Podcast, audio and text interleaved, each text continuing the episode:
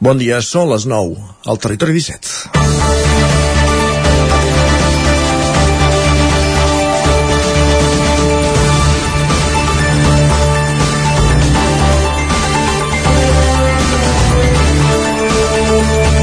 Mercat de música viva de Vic, Alcalà, ja en són 34. El primer, marcat amb el format habitual post-pandèmic, torna a registrar xifres d'èxit amb 850 professionals acreditats, una estimació de públic superior als 120.000 visitants. Això constata l'acceptació per part del públic, però també cal destacar que en els darrers anys el mercat ha fet un esforç per millorar l'equilibri entre la part professional i la popular. Des de dimecres, l'entorn de l'Atlàntida va ser un bullici de petites actuacions, entrevistes i preses de contacte entre músics, mànagers i programadors. Però molts d'ells el mercat s'acabava divendres, dient que arribaven les grans onades de públic públic. Els escenaris de la plaça i el Sucre estaven dimensionats per acollir grans volums d'un públic que ja entén el mercat més com una marca que no pas com un festival a la recerca del grup del moment. El públic a terra Vic aparca on pot i si es deixa portar pels, per escenaris i músics de carrer, ja toca inversions, trap o ritmes més o menys ballables.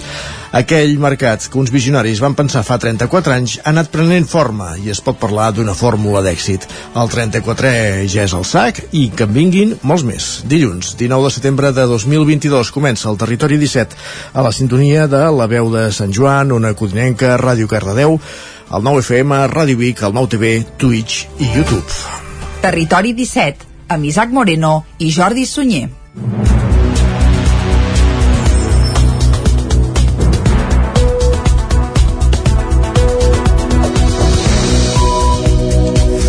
Passen gairebé dos minuts de les 9 del matí d'avui dilluns, dia 19 de setembre de 2022 i arrenca ara mateix un nou territori 17 que avui, com sempre, durant la primera mitja hora us acostarà tota l'actualitat de les nostres comarques. A dos quarts de deu, què farem? Doncs puntualment pujarem a la R3, a la Trenc d'Alba, com cada dia.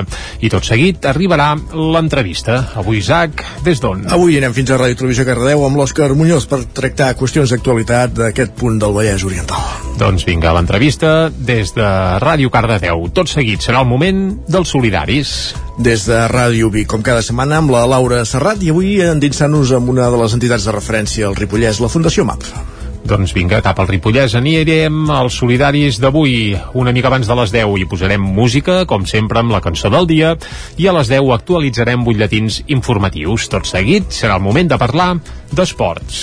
Com cada dilluns farem un repàs a l'activitat esportiva del cap de setmana, tot allò que us anunciàvem divendres i que avui repassarem com, com ha anat, bàsicament. Doncs vinga, això serà fins cap a dos quarts d'onze del matí, moment en què arribarà l'hora Sánchez i la farem pariatar, pivolades i també farem un cop d'ull a les portades del 99.cat. I tots els dilluns ho acabem amb tertúlia esportiva, oi? Exacte, repassant una jornada esportiva en què hem vist com el Barça i el Madrid guanyaven els seus compromisos, el Madrid davant de l'Atlètic de Madrid, res no es mou al capdamunt de la classificació, però en canvi hem vist les derrotes de l'Espanyol i del Girona pel mateix resultat, dos a uns, uns al camp del Betis i els altres al camp de la Real Societat. Doncs d'això, d'aquests resultats, eh, la farem patar al final del territori 17 d'avui. Ara, però, per arrencar el que toca, com sempre, és fer un repàs a l'actualitat de les nostres comarques. Ja ho sabeu, les comarques del Ripollès, Osona, el Moianès i el Vallès Oriental.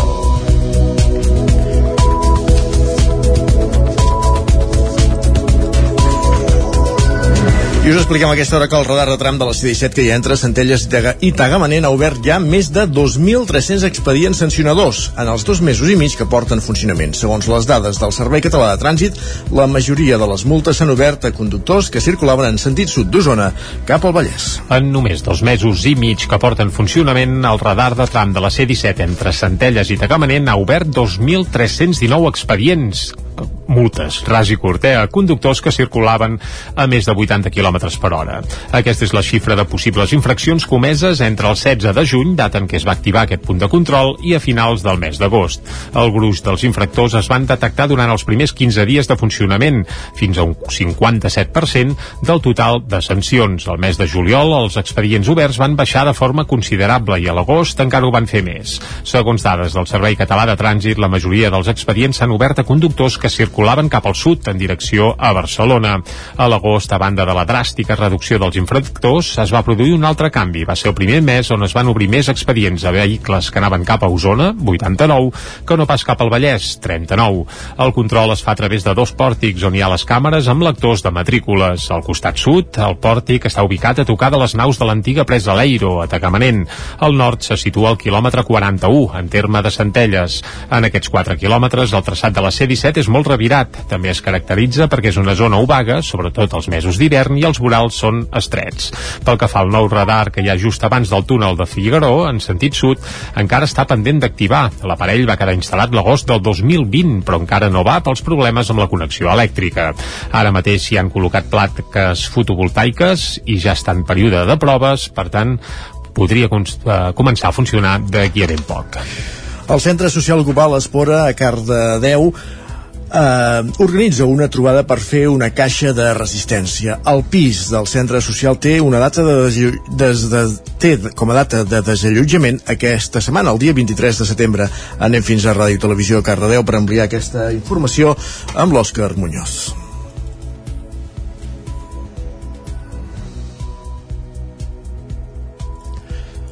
Òscar? El 23 de setembre. Aquesta és la data que té el Centre Social L'Espora per desallotjar el bloc. El fons voltor Coral Homes els vol fer fora i ha interposat set demandes a diferents pisos del bloc. Ara l'Assemblea de l'Espora i les veïnes han obert una caixa de resistència per fer front a les despeses d'aquests judicis abans del desallotjament, el que ens passa aquest, aquest cop, com és el segon llançament, eh, s'espera que vingui la policia, que vingui la Brimo, la Arro, i, i, per, i que a més és en horari obert, o sigui que no sabem quan arribaran. Llavors el que fem és convocar el dijous 22, al vespre, per tothom que vulgui com solidaritzar-se amb l'espora, dormir aquí amb nosaltres i des de ben d'hora no, ja eh, poder intentar resistir a la porta, igual que s'intenta fer no, com en molts desnonaments, perquè entenem que, que al final és l'única manera que tenim com de garantir no, el dret a l'habitatge, el dret a la trobada i el dret a la vida al final i a l'existència. Mm. Actualment a l'Espora viuen 15 persones, entre elles 3 famílies amb menors i joves que no poden accedir a un habitatge. Més qüestions. Els usuaris de la comunitat energètica local de Caldes de Montbui s'estalvien uns 40 euros de mitjana en la factura de la llum durant el seu primer mes en funcionament. Caral Campàs, una codinenca. La CEL, una iniciativa municipal que permet als particulars utilitzar una part del subministrament elèctric de plaques solars instal·lades en equipaments municipals, dona els primers fruits. La factura de la llum de l'agost, la primera que recull íntegrament la posada en marxa de les instal·lacions, suposa un estalvi d'aproximadament 40 euros per usuari. En alguns casos han aconseguit eliminar pràcticament el terme variable de la factura elèctrica. Xavi Vasco i Marta Luque expliquen com han notat en la factura elèctrica de l'agost el fet de formar part de la CEL. Hem rebaixat la factura un 50%. O sigui, realment estem parlant, en aquest cas nostre, era uns, aproximadament uns 40 euros mensuals, i s'agraeix la veritat és que amb el preu que està l'electricitat i tot plegat és, és d'agrair bueno, aquí sí que és una miqueta el que s'ha de tenir en compte no? que has de fer una miqueta de canvi d'hàbits i acostumar-te doncs, a mirar uh, quin temps fa i aprofitar no? uh, les hores de, de sol per, per posar doncs, aquells electrodomèstics, fer aquells serveis que necessites, que necessites fer. És a dir, simplement tenint en compte petits detalls de canvi d'hàbits és el que us comentava ell, es nota molt a la factura. Aquestes dades confirmen l'èxit de la CEL alhora que fomenten la transició energètica i la rebaixa de la factura de la llum dels ciutadans del municipi. Els veïns de Sant Pau de Segúries es queixen de la tala de 19 tilers per les obres de la plaça de la Generalitat Isaac Muntades, la veu de Sant Joan. La tallada de 19 tilers ha generat polèmica entre alguns veïns i l'Ajuntament de Sant Pau de Segúries per l'inici de les obres ara fa pocs dies que han de servir per reformar la plaça de la Generalitat, just al costat de la C38. La plaça estaria feta almenys des de l'any 1934 i l'alcaldessa Dolors Cambres va assegurar que la decisió ha estat molt difícil de prendre i han hagut de passar un dol perquè els arbres hi han estat sempre. Els treballs també plantegen que aquest arbrat es pugui substituir per un de nou, ja que els tilers havien fet estralls durant aquests anys. Ja temps enrere una arrel d'un tiler i ens va provocar un rebenton a, a la xarxa d'aigua.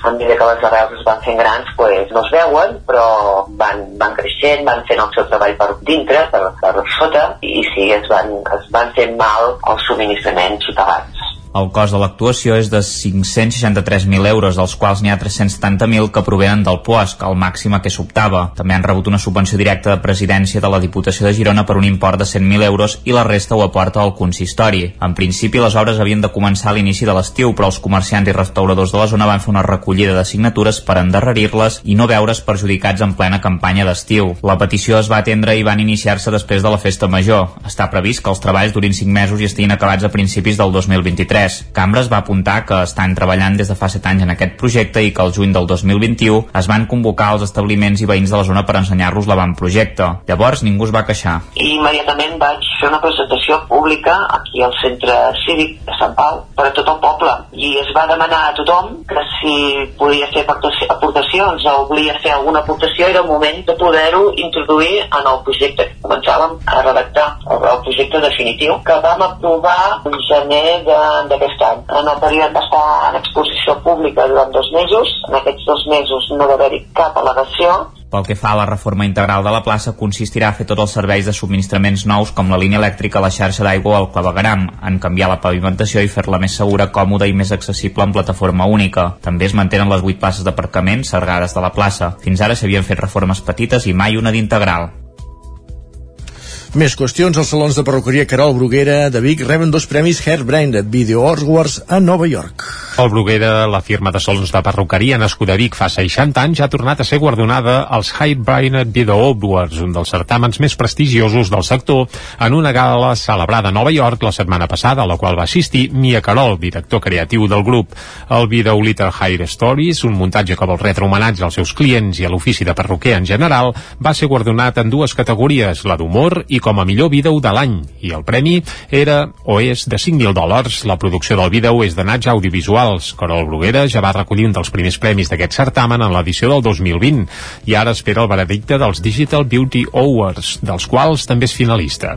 Aquest mes d'octubre la firma prepara una festa per celebrar el seu 60è aniversari. Més qüestions, eh, tornem a la portada del Mercat de Música Viva de Vic, acaba la 34a edició amb més de 800 professionals acreditats. Pel que fa xifres des de l'organització parlen de 120.000 persones que haurien gaudit, 120.000 assistents que haurien gaudit de la música en viu a Vic, una xifra que iguala l'assistència de les edicions més exitoses. Prop de 850 professionals del sector de la música han participat a la 34a edició del Mercat de Música Viva de Vic, que va acabar dissabte amb una xifra d'acreditats que supera la dels darrers anys. Concretament, han assistit al mercat un 25% més de professionals que el 2021, any amb restriccions, això sí, a causa de la pandèmia, i un 10% més que el 2019, en què la situació era de completa normalitat. El director artístic del mercat, Marc Lloret, destaca que s'ha constatat la presència, a més a més, de noves empreses i treballadors del sector de la música. Escoltem a Marc Lloret.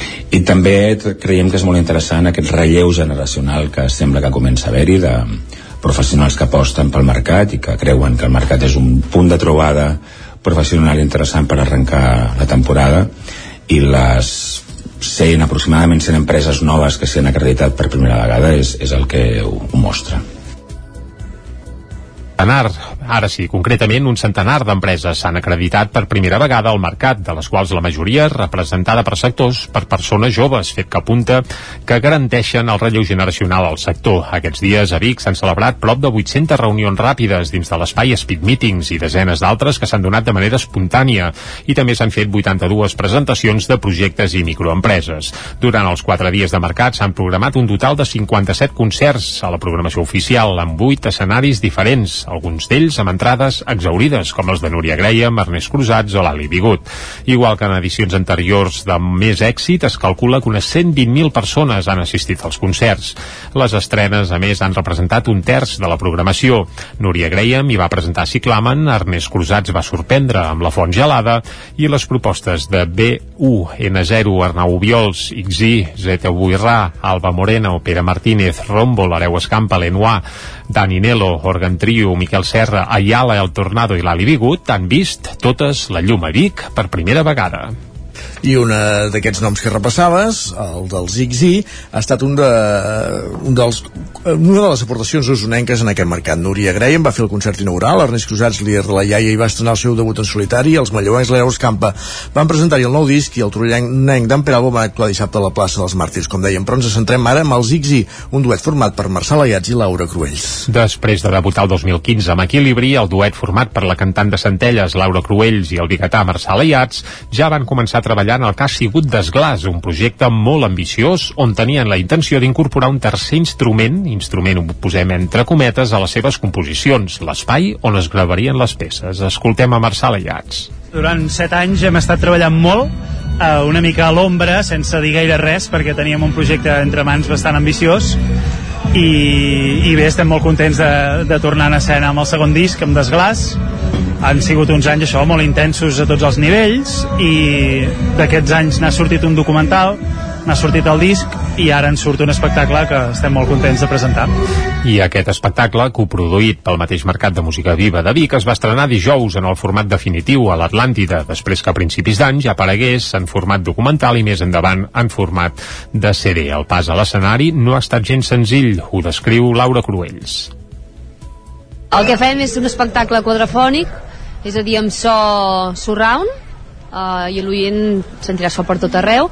Llavors, d'aquesta manera, el que, podem, el que hem fet ha estat recrear els espais on hem gravat a partir d'haver enviat un impuls a cada espai haver, eh, ens hem endut totes les freqüències i aquestes freqüències són les que es tiraran eh, com a reverbs naturals a la sala alguns dels temes que van sonar durant la presentació al mercat, doncs, ho feien reproduint l'ambient d'un far, d'un pou de glaç, d'una barca al mar o d'una església romànica, indrets on es van gravar originàriament les peces El nou viatge sonor d'Ixí ja ha començat. Ara la intenció de Iats i Cloells és dur desglàs presencialment al màxim de racons possibles. I fins aquí aquest repàs informatiu que començàvem a les 9 del matí en companyia d'Isaac Muntades, que era el campàs Òscar Muñoz i Jordi Sunyer. Moment d'afegir aquesta terna de noms, la del nostre home del temps, en Pep Acosta.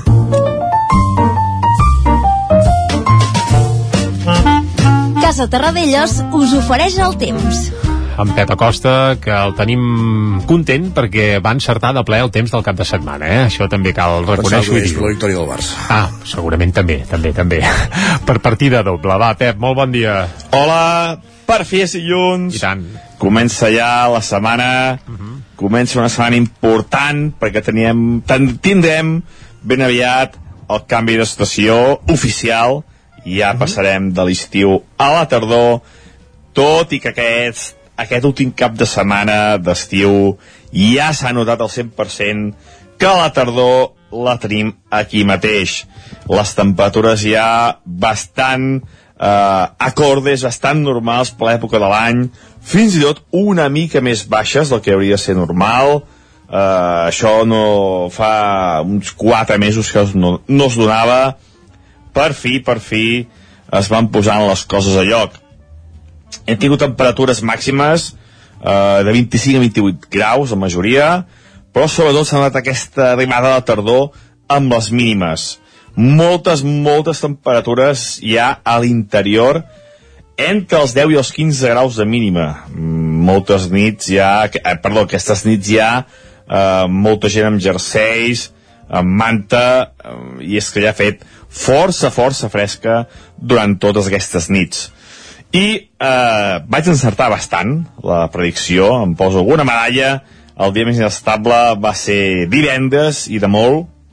I eh, dissabte i diumenge he tingut, he tingut dos dies molt, molt més tranquils. I avui dilluns també serà un dia bastant, bastant tranquil. Ens veiem unes temperatures eh, més baixes encara. Valors de 12 graus a Mollà també uns 12 graus a Vic 11, 10 graus a Ripoll i fins i tot temperatures per sota dels 5 graus a les zones més altes de, del Pirineu. Uh, ja comença a fer fred, fred en aquestes zones més altes de, del Pirineu. Tenim pocs núvols, el sol és el gran protagonista del dia, i a la tarda que s'haga una nuvolada a les zones de muntanya, molt poc important, només núvols decoratius, que no deixaran cap, cap precipitació, ni molt menys. Les temperatures màximes, la majoria entre els 22, 27-28 graus. Pujarà una mica respecte al cap de setmana. Els vents febles, de direcció eh, nord, nord-oest, aquest vent de nord és el responsable d'aquesta baixada de temperatures. És un vent no molt important, però sí que fa que, que la temperatura per fi baixi i ja sigui els valors habituals per l'època de l'any. I això és tot. A disfrutar el dilluns, per fi és dilluns, uh, i ja uh, faré un abans, un petit abans de la setmana, que serà tranquil·la, fins dijous o divendres. A partir d'aquell dia sembla que el, tot indica que podem tenir unes puges bastant importants i atenció, hi ha les primeres nevades a zones pirinenques, però va, ho haurem de veure tot plegat, falten molts dies i els maps encara poden variar molt d'aquí a final de setmana. Alerta, Adéu. eh? Ja podeu començar a carregar els esquís al cotxe, ja ho veiem. Carai, carai, uh, nevades ja a finals de setembre. Està bé això, bé, bé. Uh, estarem al cas d'en Pep Acosta. Va, tanquem la pàgina meteorològica i anem cap al quiosc. Cap allà que anem, som-hi. Casa Tarradellas us ha ofert aquest espai. Moment de conèixer les portades dels diaris del dia. És dilluns, per tant, com també fem els divendres, comencem per les portades del 9-9. Correcte, va, i arrencarem pel 9-9 d'Osona i el Ripollès, edició de color vermell, que titula Música i gent. Evidentment fa referència al Mercat de Música Viva de Vic, que recupera els concerts multitudinaris després de dos anys de mínims per la pandèmia.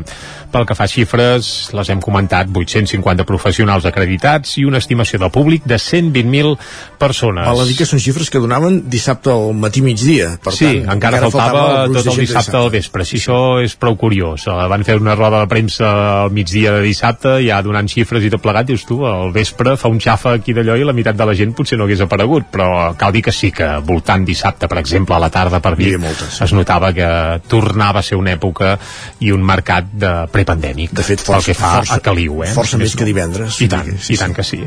Molt bé, fet aquest apunt, va, més coses que apareixen a la portada del 9-9 d'Osona i el Ripollès, 40 anys de la Mancomunitat La Plana, tot plegat es va fer un acte aquest cap de setmana on també es va homenatjar Ferran Teixidor, recordem-ho, alcalde del Brull mort en accident i també era president de la Mancomunitat La Plana, i la cursa del Taga decideix els campions. També veiem que l'Escola de Música de Torelló perd més de la meitat dels alumnes amb el canvi de gestió.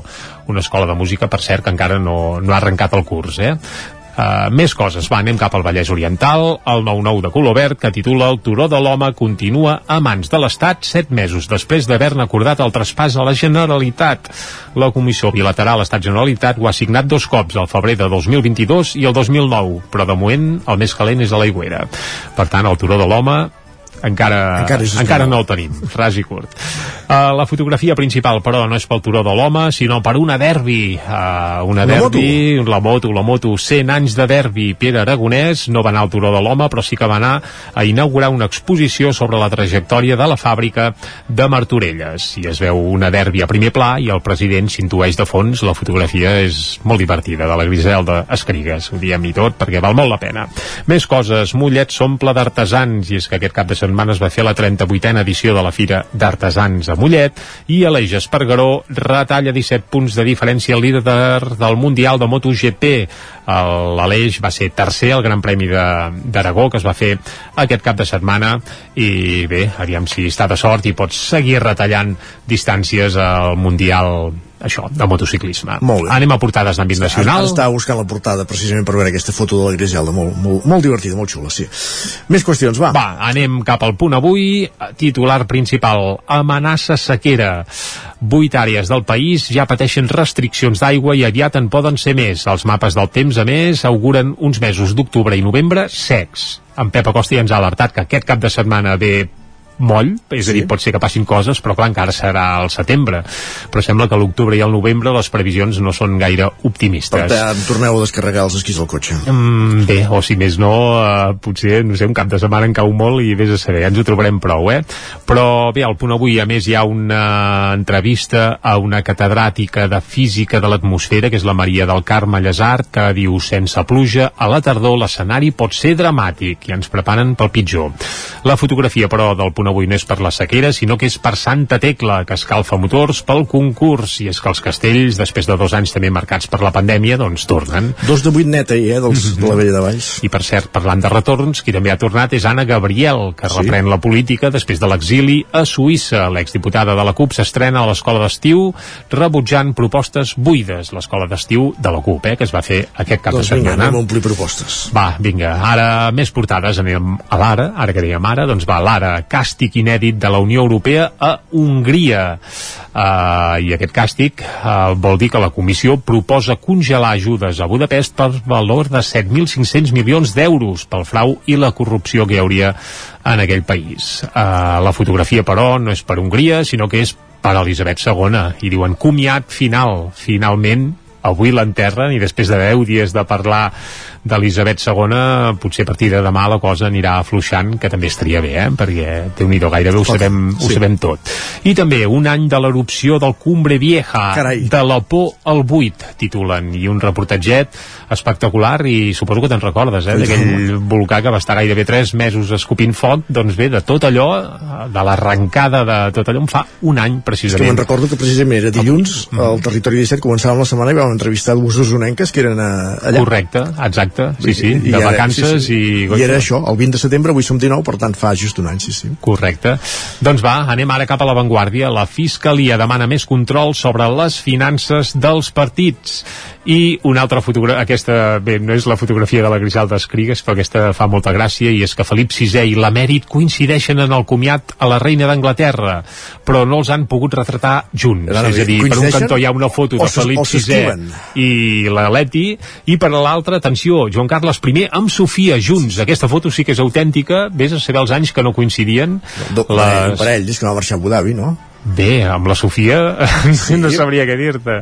Les imatges protocolàries les feien junts, altres coses Val, no sé. Doncs bé, doncs, després d'aquests dos anys, doncs, aquí, aquí sí que els han retratat plegats, sense els fills, eh? però bé, en teoria encara no s'han separat, també cal dir-ho, eh? Això, això, separats d'allò, però no estan pas divorciats.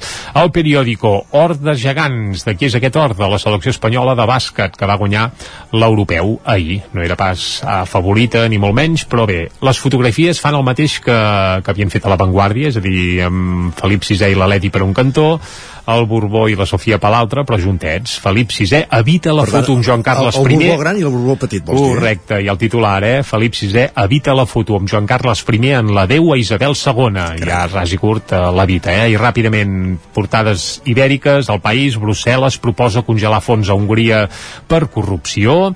El Mundo, eh, hi ha una entrevista a Emiliano García Paje que diu si seguim amb les mateixes companyies, el PSOE patirà un càstig i avisa un traïdor. L'ABC, la selecció del relleu es banya d'or, evidentment és la de bàsquet, i a la Razón Feijó blindarà la inspecció a les escoles catalanes perquè respecti el castellà.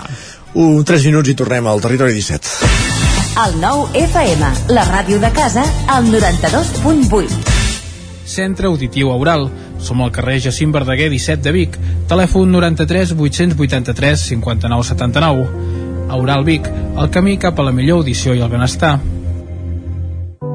Cobertes serveis funeraris. Els nostres tanatoris estan ubicats en els nuclis urbans més poblats de la comarca d'Osona per oferir un millor servei. Tanatori de Vic, Tanatori de Manlleu, Tanatori de Centelles i Tanatori de Roda de Ter. Sabem que són moments difícils i per això el nostre compromís és atendre-us en tot moment amb un tracte humà, sensible i respectuós. Cobertes serveis funeraris. Telèfon 24 hores 93 883 23 46. Amb Pradell estalvio energia i cuido la meva butxaca i el medi ambient.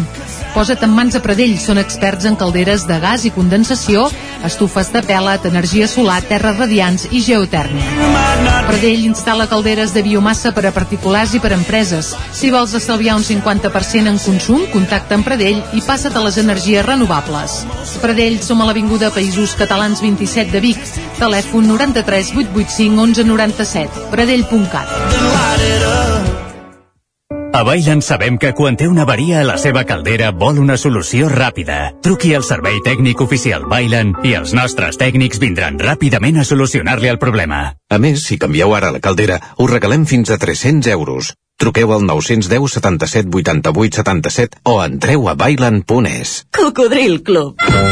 Si t'agrada la bona música dels anys 60, 70 i 80, escolta el 9 FM als matins de dissabtes i diumenges d'11 a 1.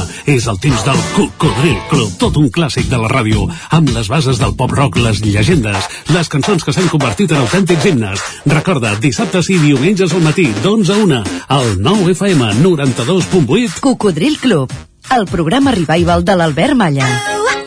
Hasta luego, cocodrilo. Anuncia't al 9FM. La màquina de casa. 9 3 8 8 9 4 9 4 9. Publicitat arroba al 9FM.cat. Anuncia't al 9FM. La publicitat més eficaç. La taverna d'en Sidoro. Fem esmorzars de forquilla, dinars, sopars i tenim una gran varietat de tapes i plats per escollir. Cuina oberta tot el dia. Tenim peix fresc de la llotja. No et perdis el nostre extraordinari pop. Vine a la nostra terrassa. La taverna d'en Sidoro. Som al carrer Pirineus 20 del polígon Mas Galí de Gurb. Telèfon 93 883 1689. El 9 FM, el 9 FM, el 9 FM, el 9 FM. Territori 17.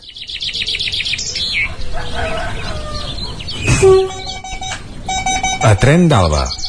Cada dia els usuaris i usuàries de la línia R3 de Rodalies que veuen sortir el sol des d'un vagó ens expliquen les gràcies i les penes del primer comboi que uneix Ripoll i Barcelona o les feixugues jornades amb el tren després de treballar. Benvinguts a Tren d'Alba. Doncs avui us he de donar una informació de servei molt important, perquè del 19 de setembre al 2 de desembre la circulació de trens entre el Passeig de Gràcia i Sant Andreu Comtal estarà interrompuda. Els trens de l'R2 Nord i l'R11 començaran i finalitzaran el seu trajecte a Sant Andreu Comtal. Després els viatgers es transbordaran a la parada de Sant Andreu de la línia 1 del metro. En sentit invers, des de Sants, els viatgers disposen de les línies R3 i R4 per arribar a la Sagrera Meridiana. Des d'allà podran enllaçar amb els autobusos en hora punta o amb el metro. També s'estableix un servei complementari de busos llançadora entre Sant Andreu i la Sagrera Meridiana, entre les 6 i les 10 del matí i entre les 4 i les 8 de la tarda, cada 15 minuts en dies laborables. Els viatgers de Granollers Centre, els dies laborables de dilluns a divendres, entre les 6 del matí i dos quarts d'onze, disposaran d'autocars directes a Barcelona, a la Sagrera Meridiana, i entre Barcelona, la Sagrera Meridiana i Granollers Centre, de 5 a dos quarts de 9 del vespre. Els dissabtes, diumenges i festius, l'horari serà de 8 del matí a 3 quarts d'onze i de 6 de la tarda a 3 quarts de 9 en cada sentit. Ah, i el servei a l'aeroport es realitzarà amb origen o destinació Barcelona Estació de França. Quin cacau d'horaris per recordar. Va, us deixo ja amb la crònica d'en Jordi Valls d'avui. Bon dia, sóc en Jordi de Centelles. Avui el tren de la 607 cap a Barcelona uns oh, 8 minuts tard, 8-10 minuts tard. La veritat és que hi havia tanta gent que jo crec que ni l'hora podíem mirar. Tela, tela, tela la de gent, tenint en compte que Mollet, eh, molta gent traspassa la línia perquè la R2 Nord talla Sant Andreu i avui a més els de la R1 els de la costa del Maresme tenen premi, que els trens es queden a Badalona.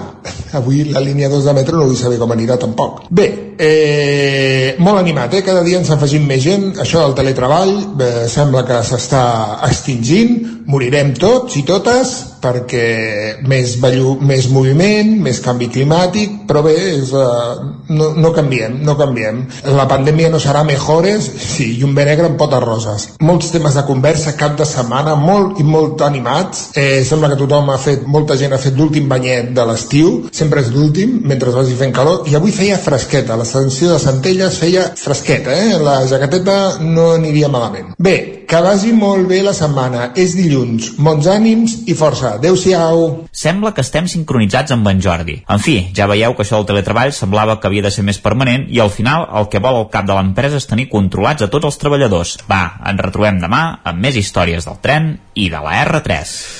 Passen 3 minuts a dos quarts de 10, després de la tren d'Alba, després de pujar el tren, anem a l'entrevista. Territori 17, el 9 FM, la veu de Sant Joan, Ona Codinenca, Ràdio Cardedeu, Territori 17.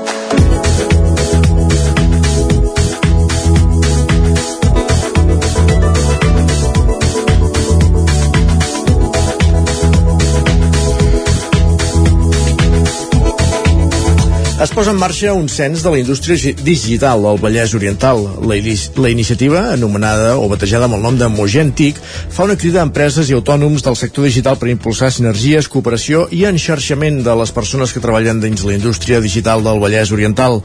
Posa'ns-hi una mica més de lluny, Òscar Muñoz, des de Ràdio Televisió, Cardedeu. Bon dia, Isaac. Doncs sí, avui parlarem amb el director del Centre de Suport Empresarial Tecnològic de Cardedeu, amb el Manel Cortés. Bon dia, Manel. Hola, bon dia a tothom. Primer de tot, explica'ns què és això del Mogentic, que quina és aquesta iniciativa. Eh, Bueno, això Mogentic és una marca que identifica a un projecte eh, corresponent a un impuls de lo que són el sector de les empreses de noves tecnologies i la digitalització, eh, diguem, eh, o el que és la millora de competències de, de, tecnològiques de, de les persones i del mercat de treball. Eh, diguem que va sorgir diguem, d'un projecte en què estem agrupats diferents municipis veïns, eh, Cardedeu, diguem que lidera gestionant a través de, de lo que és el C7, però després tenim la Roca del Vallès, eh, Sant Pere i Sant Antoni de Vilamajor, Canovas i Samalús, i tots d'alguna manera estem treballant en aquest projecte.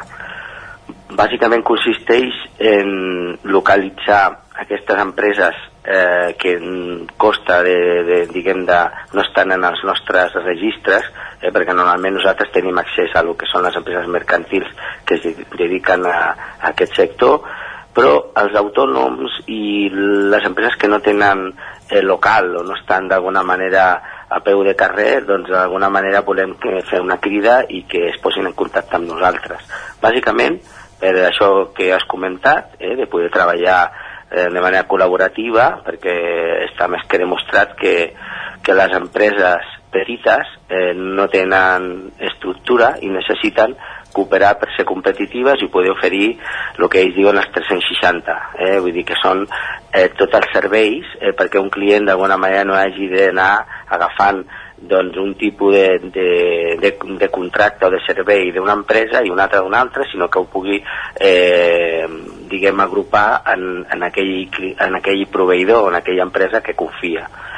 Això per una banda. I per una altra, eh, volem també nosaltres ja fa, des de fa bueno, molts anys, diguem que des de que va néixer el C7 el 2011, que treballem en la formació i diguem en el creixement tecnològic vale, de les empreses. Aleshores, clar, moltes vegades ens havien vingut empreses tradicionals de sectors industrials o, o comercial que havien de fer aquest pas cap a la digitalització, però que moltes vegades eh, agafaven proveïdors de, de, de, diguem, de Barcelona o de- diguem, d'altres localitats. Aleshores, la possibilitat de visualitzar i poder dir, ei, aquí tens tots aquests proveïdors, aquí a Cardedeu i, i a la Roca o a Sant Antoni o diguem tots els que, que, que, que formen part d'aquest acord, doncs, i no cal que te'n vagis. O sigui, el producte local no només és en els productes d'aliment o en l'artesania, sinó també en, el, en els serveis. Teniu més o menys una idea de quantes són aquestes empreses a les que no, ara mateix no teniu, diguem, entre cometes, controlades, diguéssim, que no teniu a la vostra base de dades, a les que podríeu arribar? Correcte. Nosaltres ara mateix tenim localitzades, eh, diguem, en aquests sectors concrets, eh, perquè el sector tecnològic és molt ampli, eh, però nosaltres eh, parlem d'aquelles empreses que treballen en el sector eh, de màrqueting, de comunicació, desenvolupament web, posicionament, SEO, SEM, community manager, tot aquest tipus de, diguem, de perfils. I aleshores eh, tenim localitzades unes 60 empreses eh, en les que, diguem, o tenen local o, o, o, o són empreses mercantils, però estimem que pot ser gairebé el doble, vale? o sigui, uns 100 professionals que estiguin treballant en el sector i que alguns d'ells no els tenim localitzats, eh? diguem, el que serien freelance i professionals, persones físiques. Uh -huh. Òscar? Hem perdut la comunicació? Ara? Sí, ara, ara sí. sí. Eh, això, parlàvem d'aquests avantatges, no?, de tenir localitzades les empreses, que potser a vegades doncs, no sabem que existeixen. Quins altres avantatges poden tenir les empreses en aquest projecte? Doncs, eh, com he comentat abans, eh, la possibilitat de- d'accedir a demandes de- d'empreses de, d'aquí que necessiten un proveïdor eh, i que ells doncs, s'hi dediquen professionalment, per tant l'operació mercantil quedi aquí, no? diguem, en el territori, no? treballant. Uh -huh. Després, la possibilitat de, de connectar-se vale? amb altres professions perquè a vegades passa això no? eh, estic en el cas concret doncs, eh, diguem d'un expert en màrqueting un desenvolupador que treballa tot el tema doncs, de la presència de les empreses a la xarxa i eh, de vegades contracta un programador i el programador doncs, és un col·laborador que té a Barcelona eh? doncs resulta que clar, si visualitza que hi ha un altre programador que resulta que anava bé a l'escola van coincidir i no sabia que s'hi dedicava doncs tens la possibilitat de dir ostres, pues, mira, Manganito ostres, també treballa en això doncs poder d'alguna manera eh, enfortir i treballar d'una manera més propera per una banda. I després, per una, una tercera, és que, òbviament, eh, quan hi ha intercanvi, doncs eh, hi ha cooperació, hi ha creixement i hi ha innovació. I la veritat és que forçar d'alguna manera o intentar eh, inventar perquè, perquè els petits doncs, eh, col·laborin entre ells crec que és una bona, és una bona manera i fer-ho des de l'Ajuntament o, o diguem des d'un centre eh, públic dona també aquesta confiança perquè nosaltres sí que els associarem i entrem en, en temes de, de, de, diguem, d'acords eh, que poden establir a nivell de contracte o a nivell fins i tot de, eh, de viabilitat dels projectes, vull dir que també tenen el suport d'un equip de, de persones que estan eh, en el sector assessorant i, i, i fent consultoria. Abans ens explicaves més o menys els, els ajuntaments que s'hi han anat adherint. S'hi pot inscriure algú, algú, algú de fora d'aquestes poblacions i no sé si també està obert a adherir-hi nous ajuntaments o fins i tot iniciativa privada, estic pensant en PIMEC, Cambra, organitzacions empresarials en general. Eh, una mica amb quin és l'objectiu en aquest aspecte, no?, de, anar fent tacadol i anar creixent? Sí, a veure, nosaltres estem oberts a totes les iniciatives que vagin al mateix objectiu i finalitat que nosaltres, que és al final que, que es vagin sumant eh, doncs, tot tipus d'entitats i empreses que, que, que, que, que treballin en, aquest, en aquesta fi. Però, bàsicament, hi han dos aspectes que són importants. Un, clar, nosaltres estem finançant això en col·laboració amb la Diputació de Barcelona Aleshores, els eh, diguem, ajuntaments que financen aquest projecte són aquells que hem comentat, no? que diguem que Cardedeu, La Roca, Sant Antoni, Sant Pere, Cànoves, vull dir, som els que d'alguna manera, per tant, prioritzem les empreses dels nostres municipis. Però, clar, si hi ha una empresa de fora o de la comarca que s'hi vol, si vol sumar, doncs, òbviament, és benvinguda, el que passa és que en determinats eh, diguem, eh, actuacions, com per exemple podria ser aquesta consultoria que parlaven, si nosaltres paguem amb un expert en què treballi l'estratègia per treballar un projecte conjunt entre dues empreses, una de Cardell i una altra, per exemple, de Sant Antoni de Vilamajor, doncs home, això ho pagarem amb els diners que tenim destinats. Però si fem una iniciativa de networking en el qual eh, creem una, diguem, una plataforma o d'alguna manera eh, podem obrir-se a fer col·laboració entre ells, doncs, òbviament estar serà benvinguda qualsevol empresa de fora i que estigui d'alguna manera interessada. Per tant, a nosaltres eh, som benvinguts vale? i bueno, en tot cas pues, quan es creïn els diferents eh, serveis i les diferents actuacions que, que, que, que, que generaran entre ells pues, d'alguna manera doncs, allà és, és diguem, filtrar una mica eh, les iniciatives que, en funció de, de, de lo que he comentat abans. I en relació a lo que són entitats com podria ser pues, PIMEC i, i la cambra, nosaltres quan estem en contacte continu amb aquest tipus, aquest tipus d'organitzacions i aleshores eh, ells també d'alguna manera fan les seves actuacions però si tenen alguna iniciativa que, que vulguin plantejar-nos nosaltres estem encantats de col·laborar com, com sempre fem per, per anar acabant ja, Manel, eh, sí. què ha de fer una empresa per poder inscriure's en aquest cens? Doncs mira, eh, posant-nos en contacte amb nosaltres a través de la web, a través d'un correu electrònic, trucant-nos per telèfons, o si es volen passejar pel, diguem, pel, per aquí pel C7, nosaltres estarem encantats de, de rebre'l, el prendrem nota i, i farem una entrevista amb ell, el trucarem amb, amb aquesta empresa i amb, el, qui, amb el professional o la professional que se'ns adreci, cap problema. I pot anar directament al C7, vale? o contactant amb el C7, i, i, bueno, i en tot cas si volen anar a adreçar-se a qualsevol ajuntament si són d'un altre d'aquí eh, aquests que he comentat abans doncs també l'adreçaran cap aquí però si venen aquí al C7 serà més directe Manel Cortés, director del Centre de Suport Empresarial Tecnològic de Cardedeu, moltes gràcies per ser avui al Territori 17 i explicar-nos aquesta iniciativa. Gràcies a vosaltres per donar-nos veu i, i, bueno, i, i ànim i, i enhorabona pel programa. Gràcies, gràcies. Bon, bon dia. Gràcies també, Òscar. Fins ara. Fins ara.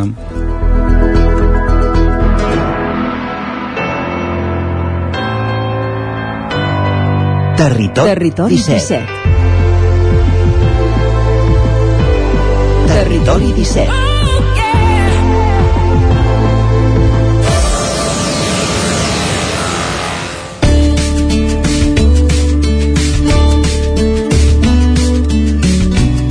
I quan falta mig minut perquè siguin tres quarts de deu, el que fem és anar cap als solidaris, aquest espai que cada setmana dediquem a les entitats del tercer sector de casa nostra. Avui, de fet, anem fins al Ripollès, una secció que ens produeix i ens acosta cada setmana des de Ràdio Vic, la Laura Serrat. Per tant, sense més preàmbuls, Laura, benvinguda i bon dia. La manera de treballar, de fer i de viure ha canviat per a tothom els darrers anys. La pandèmia ha suposat un trasbals a tots nivells i moltes entitats s'han vist empeses a fer certs canvis en la seva manera de treballar i de plantejar-se l'atenció que ofereixen, d'acord amb les dificultats amb les que s'han trobat. És el cas de la Fundació MAP, l'entitat de referència del Ripollès en l'atenció i l'inserció social i laboral de persones amb discapacitat. Al programa Solidaris, des de Ràdio Vic i a través de l'antena del Territori 17, conversem amb l'Armínia Odeig, la directora gerent de la Fundació. Ordeig comença explicant-nos que els reptes de l'adaptació a la pandèmia han provocat un canvi de dinàmica i de plantejament en la seva manera de treballar, sobretot encarat a la individualització dels usuaris i la millora de la seva autonomia. Una de les novetats en les que han estat treballant ha estat la reducció de tamanys dels habitatges que ofereixen. Nosaltres, en el nostre cas, a Ripoll, tenim una residència de 24 persones i després tenim llars residències que ja són de 8 persones, de 4, de 2, no? I hem anat cada vegada doncs, reduint les persones que comparteixen un habitatge, no? I ara, doncs, degut al Covid, el que ens ha fet veure és que, malgrat no, el problema ha sigut que aquesta residència de 24 persones o aquestes llars residències de 8 doncs ha sigut un problema, perquè bueno, quan s'infectava una persona, vull dir que havies de tenir tothom aïllat i tal, i això ens ha fet plantejar avançar d'una manera molt més ràpida cap a aquest nou model de desinstitucionalització, no? de què bueno, les persones amb discapacitat doncs, puguin, en el cas de nivell d'habitatge, puguin viure també amb habitatges molt més reduïts, més petits, puguin tenir el seu propi habitatge o compartir-lo amb una seva parella o amb màxim dues persones. No? I aquí és cap on anem, no? que cada vegada totes les accions que es fan són molt més inclusives, molt més a la comunitat, no? I, i, i molt més normalitzades. No? Hem aprofitat per treballar, per aplicar un nou model d'organització que ja estàvem treballant des de feia uns quants anys, ¿vale? que és un model d'organització basat en què puguem treballar en el model que se'n diu centrat en la persona. Aquest model centrat en la persona el que es pretén és que sigui la persona la que porti les riendes no? de les seves necessitats i la que demani, no? i és l'entitat no? la que, que s'adapta a aquestes necessitats. Un altre dels canvis que ens explica el veiem en les activitats dels centres de dia. En comptes de tenir a totes les persones conjuntes, unes 70 o 80 persones, en un centre de teràpia ocupacional, l'objectiu d'ara és buscar espais comunitaris més a prop d'allà on viuen els usuaris per poder fer aquestes activitats. La intenció és realitzar-les en diferents entorns comunitaris i que d'aquesta manera els usuaris no hagin d'anar fins al centre. Tots aquests canvis no han estat fàcils pels usuaris i usuàries, tampoc. Les mesures que va imposar la Covid-19 han estat tot un repte clar, ha sigut molt dur per totes les persones ateses. Ha sigut dur perquè se han sigut els principals afectats, no? El fet de, de que s'han hagut d'estar molt aïllats, de que han hagut de, els grups bombolla, tota aquesta història que a nivell familiar l'hem viscut una miqueta amb uns serveis doncs, residencials o centres de, de dia de persones doncs, que amb vulnerabilitat, diríem, això ha sigut molt més estricte tot plegat i i evidentment els ha afectat molt i durant tots aquests dos anys han estat sense poder sortir gaire, han estat en grups molt reduïts, amb aquests grups bombolla, això ha fet que se'ls ha tallat totalment no? la seva llibertat de relació, d'actuació, Ordeig afirma que el gran repte actual és l'atenció dels usuaris amb envelliment.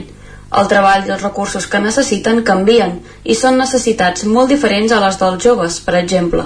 Clar, ara en aquests moments ens estem trobant amb persones amb discapacitat intel·lectual, amb envelliment. Eh, són persones que porten molts i molts anys venint a la Fundació, que van començar de joves, i ara doncs, són persones que ara estan en una fase de bellesa. Tenim ja persones de 80 i pico d'anys, ¿vale? No? fa uns anys, o bastants anys, era com impensable eh? que una persona amb discapacitat no arribés a tenir 85 anys. Pues ara no, perquè amb una bona qualitat de vida, cura de la salut i eh, no? una vida sana, persones amb discapacitat intel·lectual allarguen la seva vida com qualsevol altra, no? Per tant, ara tenim un repte important que és aquest de la bellesa, eh? Però sí que és, clar, és un treball diferent amb aquestes persones, elles també necessiten molts més recursos, eh? molt més suport, perquè s'afegeix a la seva discapacitat, doncs s'afegeix la, la, la discapacitat ja física també de, de l'edat, no? o la demència, vale? per tant, ens està canviant una mica tot el que és el treball amb les persones. Per tant, per això els, els reptes no, és com podem donar resposta en aquestes necessitats dels joves, de les persones joves que entren, no? la diversitat també d'aquestes necessitats. Eh? No és el mateix un jove amb una discapacitat intel·lectual, amb una malaltia mental, són necessitats molt diferents que, que per això cada vegada és més necessari una atenció individualitzada. Per a l'entitat, el repte més important en el seu dia a dia és la gestió dels recursos econòmics per poder mantenir la seva activitat en marxa. Ordeig ens ho explica. Clar, la gran dificultat ara en aquests moments doncs és, és això, és aquest tema econòmic, perquè les necessitats de les persones han canviat, la bellesa necessita molt més suport, per tant necessita molta més activitat terapèutica, necessiten un suport molt personalitzat, no perquè sigui en cadira de rodes, per, per fer activitats, per sortir, o sigui, necessiten molt més suport de professionals i d'activitats, i els joves doncs també tenen uns altres interessos, no? Vull dir, busquen més una autonomia i una vida independent. Actualment, l'administració, el mòdul aquest que paga, no està pensat per donar resposta a aquestes necessitats. Està pensat per donar la resposta a la necessitat clàssica vale, un servei residencial amb una residència de 60 persones, per dir d'alguna manera, per grups grans, eh? no està pensat per aquest treball més individualitzat. Hem conversat també sobre la consciència de la feina que fan a la seva comarca, on se senten molt ben acollits i reconeguts. El seu treball en comunitat els ha permès donar-se a conèixer i, sobretot, donar passos endavant cap a la normalització d'aquesta vida comunitària. Clar, el Ripollès és molt petit i, bueno, molt petit, és una comarca de 25.000 habitants, tota la comarca, clar, Vic em sembla que ja en té cap a 50, no? O Manlleu gairebé 20, o més de 20. Per tant, el territori és molt petit, per tant, som referents, és a dir, és molt visible la feina que fa Fundació MAP en el territori, per, perquè es veu molt, no? I com que fem molta comunitat, molt treball a la comunitat, doncs clar, Fundació MAP participa amb tots els actes que es fan doncs, en el Ripollès, no? Vull dir, si es fa un carnaval a Ripoll, que les escoles i les colles fan carrossa, doncs el Fundació Mat també fa una carrossa, i si es fa, si qualsevol, no? I el club de futbol a Badassenc, doncs el segon equip és, és, és un equip del MAP, no?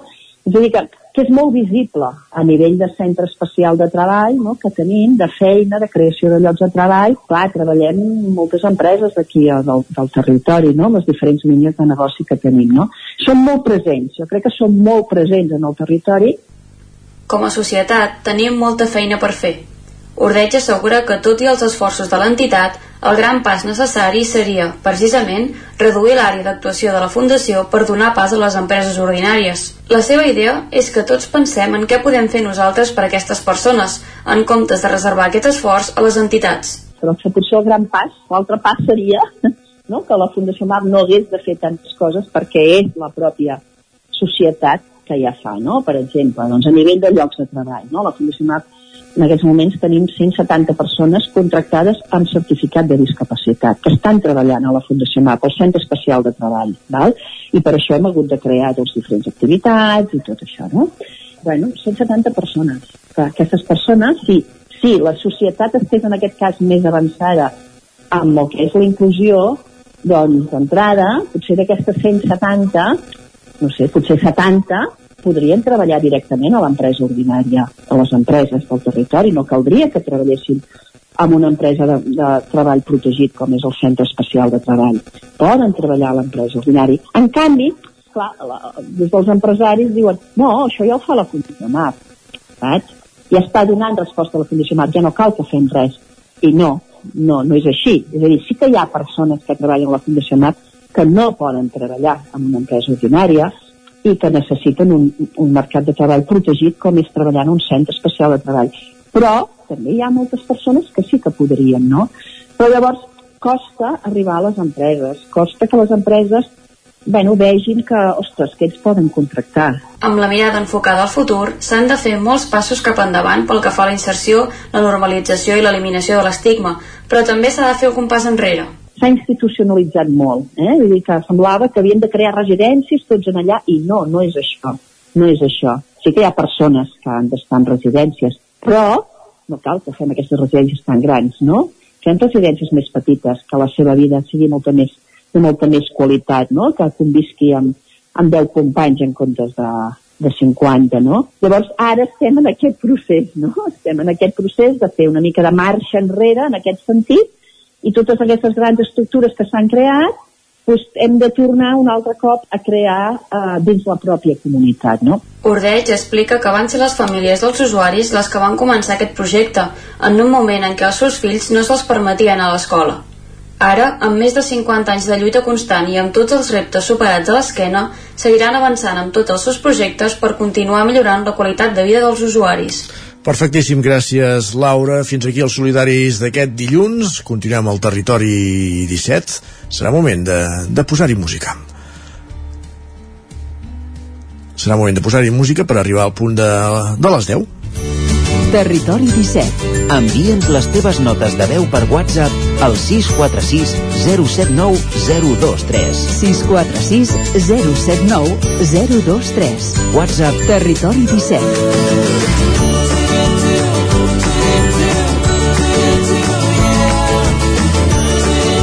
Territori 17. Som a Facebook, Twitter i Instagram amb l'usuari Territori 17.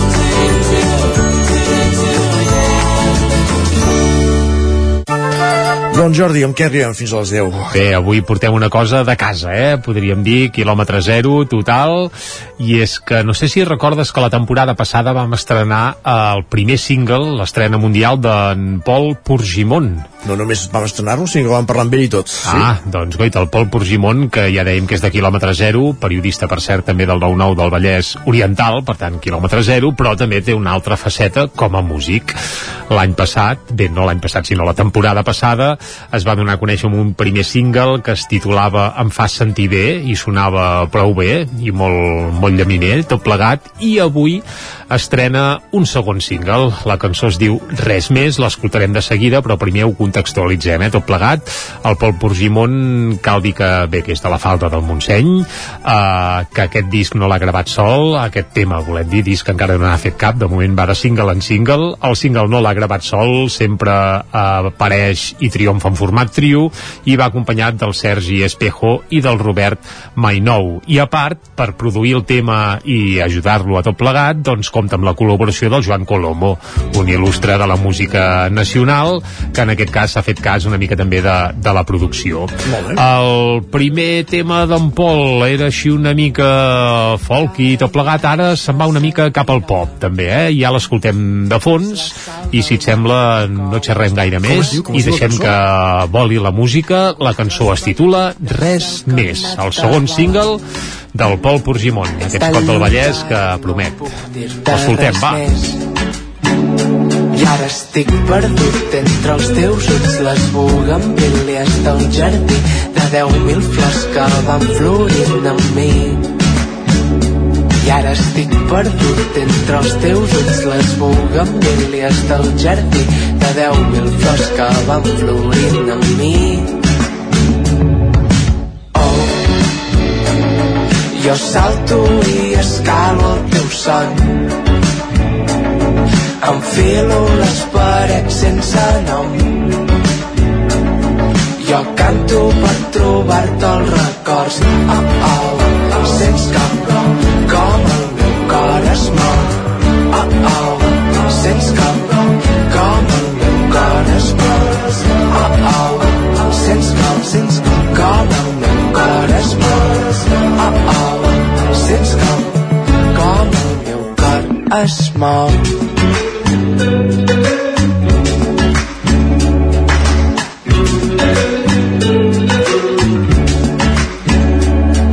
missatges jo m'inventaré poemes com figures que dibuixo a dalt del cel. És el fum les línies dels avions que frenen. Soc jo escrivint els meus anells ara estic perdut entre els teus ulls les bugamílies del jardí de deu mil flors que van florint amb mi. I ara estic perdut entre els teus ulls les bugamílies del jardí de deu mil flors que van florint amb mi. Jo salto i escalo el teu son Enfilo les parets sense nom. Jo canto per trobar-te els records Oh, oh,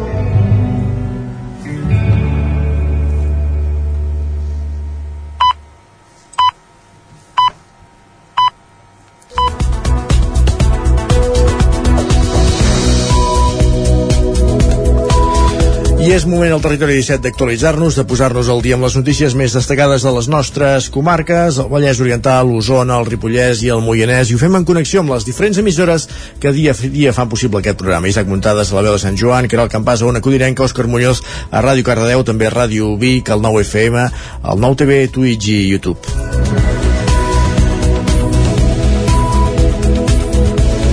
Tal com ja havia anunciat pel juny, l'alcalde de Tavernoles, Carles Benús, plega. El seu lloc l'ocupa a partir d'ara l'actual primer tinent d'alcalde, Pep de la Mora. Dijous passat, Benús va presentar la instància a l'Ajuntament on oficialitza la seva voluntat de renunciar a l'alcaldia i acabar el mandat només com a regidor. Un cop tramitada la petició de manera formal, la renúncia s'haurà de fer efectiva durant el proper ple municipal. En aquests últims mesos que queden del mandat, el testimoni com a alcalde l'agafarà Pep de la Mora, actualment primer tinent d'alcalde i regidor també d'Esports i Salut, Participació Ciutadana, Medi Natural, Urbanisme i Promoció Econòmica. Benús, militant de Junts per Catalunya, tancarà d'aquesta manera 11 anys al capdavant del consistori de Tavernoles. I més relleus d'alcaldies a Osona, tal com us vam avançar la setmana passada, l'alcalde de Sobremunt, des de l'any 2015, Albert Güell, deixarà el càrrec a finals d'aquest mes. Esther Ordeig és qui, amb tota probabilitat, li agafarà el relleu com a alcaldessa i també com a candidata a les municipals de l'any vinent. D'aquesta manera es farà efectiu l'acord que ja van prendre Albert Güell i les altres dues regidores de l'Ajuntament de Sobremunt a l'inici d'aquesta legislatura. Güell es mostra satisfet perquè el projecte tindrà continuïtat i fins i tot ja avança qui li agafarà el relleu serà Esther Ordeig. Escoltem Albert Güell. Per acord de l'equip, doncs sembla que, que serà l'Esther Ordeig qui també optaria eh, a la reelecció a la, a la propera legislatura i això és una cosa que també ens agrada posar damunt la taula abans que vinguin els partits polítics a llançar-se sobre, sobre la gent de Sobremunt per fer llistes al municipi vull dir, el projecte té intenció de tenir continuïtat i a través de l'agrupació d'electors que som Güell marxa content de la feina feta i remarca que si no acaba la legislatura és sobretot per qüestions laborals i personals. L'escoltem. Per, per qüestions personals, doncs també també sentia que ara era el moment perquè és veritat que he dedicat molt temps i molts esforços a l'alcaldia perquè penso que ha de ser així però ara sí que sento que haig de dedicar-me una mica de temps a mi i a les meves, a les meves oportunitats professionals El relleu de Güell al capdavant de l'alcaldia de Sobremunt es farà efectiu durant el proper ple municipal previst per finals d'aquest mateix mes. Més qüestions. Durant aquest curs escolar, Torelló engegarà el projecte del bicibús de manera similar a com es fa a d'altres municipis, com per exemple Vic, on, es va, on va néixer. Els infants, doncs, podran desplaçar-se en grup fins a l'escola en bicicleta acompanyats de persones adultes. Tot plegat està previst que comenci a finals de mes. Anar amb bicicleta fins a l'escola es tornarà una pràctica més segura a Torelló. A finals de setembre s'engegarà el projecte projecte del bicibús i ja s'han afegit a la iniciativa les escoles Fortià Solà, Vall del Gès i l'Institut Sirvianum. La regidora d'Educació de l'Ajuntament de Torelló, Núria Montanyà, explica com funcionarà aquest projecte un autobús de bicicletes, no? per dir-ho així, que van totes les bicis juntes i té unes parades i uns horaris i llavors doncs, s'han de fer aquest recorregut, s'han de formar les persones adultes que acompanyaran i després doncs, quan tinguem tot això a través d'una aplicació que ja funciona a altres municipis eh, les famílies es registren eh, s'apunten apunten els, els seus infants i llavors la persona motor que porta el grup sap qui ha d'esperar o qui no. La iniciativa es portarà a terme cada divendres i els itineraris es dissenyaran en funció de la demanda. L'arrencada serà a finals d'aquest setembre i ja s'han afegit a la iniciativa les escoles Fortià Solà i Vall del Gès i també l'Institut Sirvianum.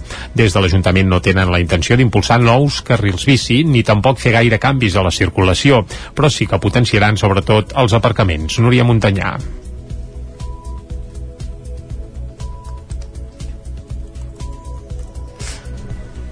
Bé, sem... els carrers de Torelló són com són però sí que tot el que puguem anar millorant eh, des de l'Ajuntament com a parc de bicicletes als centres educatius o si realment després veiem que això incrementa les bicicletes que hi ha a Torelló doncs en posarem altres punts del municipi el bicibús, com ja s'ha demostrat a d'altres pobles i ciutats, acaba sent una eina per fomentar l'ús de la bicicleta, per promoure hàbits saludables, ajudar a aprendre a circular i també per sensibilitzar mediambientalment, sobretot els més joves.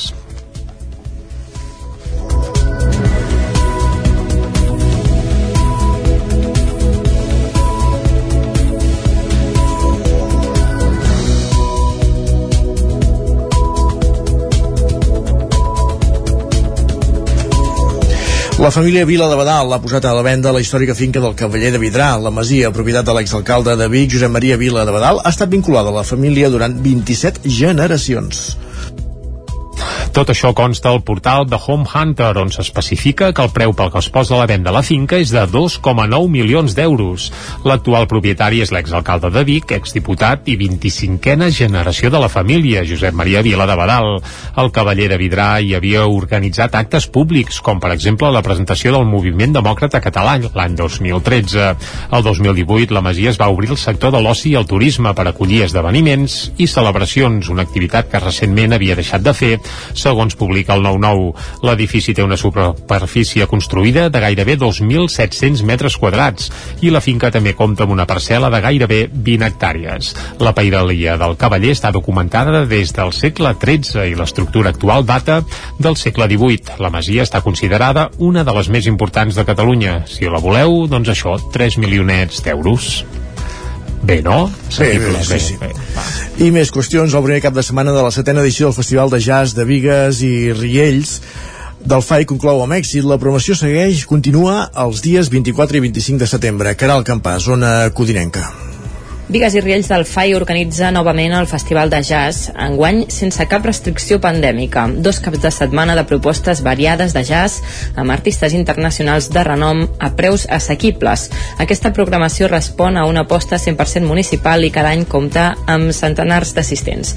Jesús Cano, regidor de Cultura, explica que aquest any els concerts es duran a terme en espais nous com la plaça de la Fruita, amb la voluntat de descentralitzar la cultura però vindria a ser, uh, la idea al final vindria a ser aquesta, no? Ja en tenim molts espais més enllà del que seria el TAP, com que evidentment per segons quin tipus de concert o de producte vulguis oferir, evidentment el TAP és on ha d'anar, no ho pots treure, no? Però eh, tot el que sigui donar a conèixer també indrets del municipi, patrimoni del municipi, doncs amb l'excusa d'un concert o d'una obra de teatre, com en el cas de les agendes, doncs és combinar la, la cultura en els seus diferents aspectes, per tant, eh, és un camí també a, a, anar, a anar seguint. La programació va començar aquest passat cap de setmana amb concerts de Violeta Curri Quartet i Sweet Marta and the Blues Shakers i les propostes continuen aquest 24 i 25 de setembre. Dic Tem, músic professional que programa els grups, detalla les pròximes actuacions. Igual, dissabte al vespre,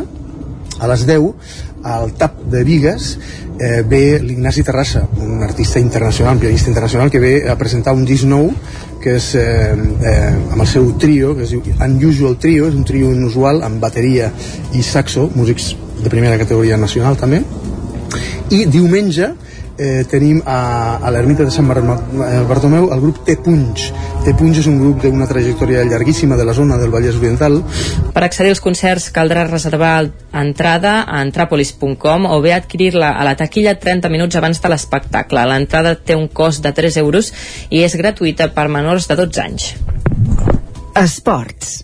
I a la pàgina esportiva us expliquem que Eduard Hernández i Núria Gil s'han proclamat guanyadors de la cursa de campionats de Catalunya de la, a la cursa del Taga de Sant Joan de les Abadesses amb mig miler de participants. Isaac Muntades, la veu de Sant Joan.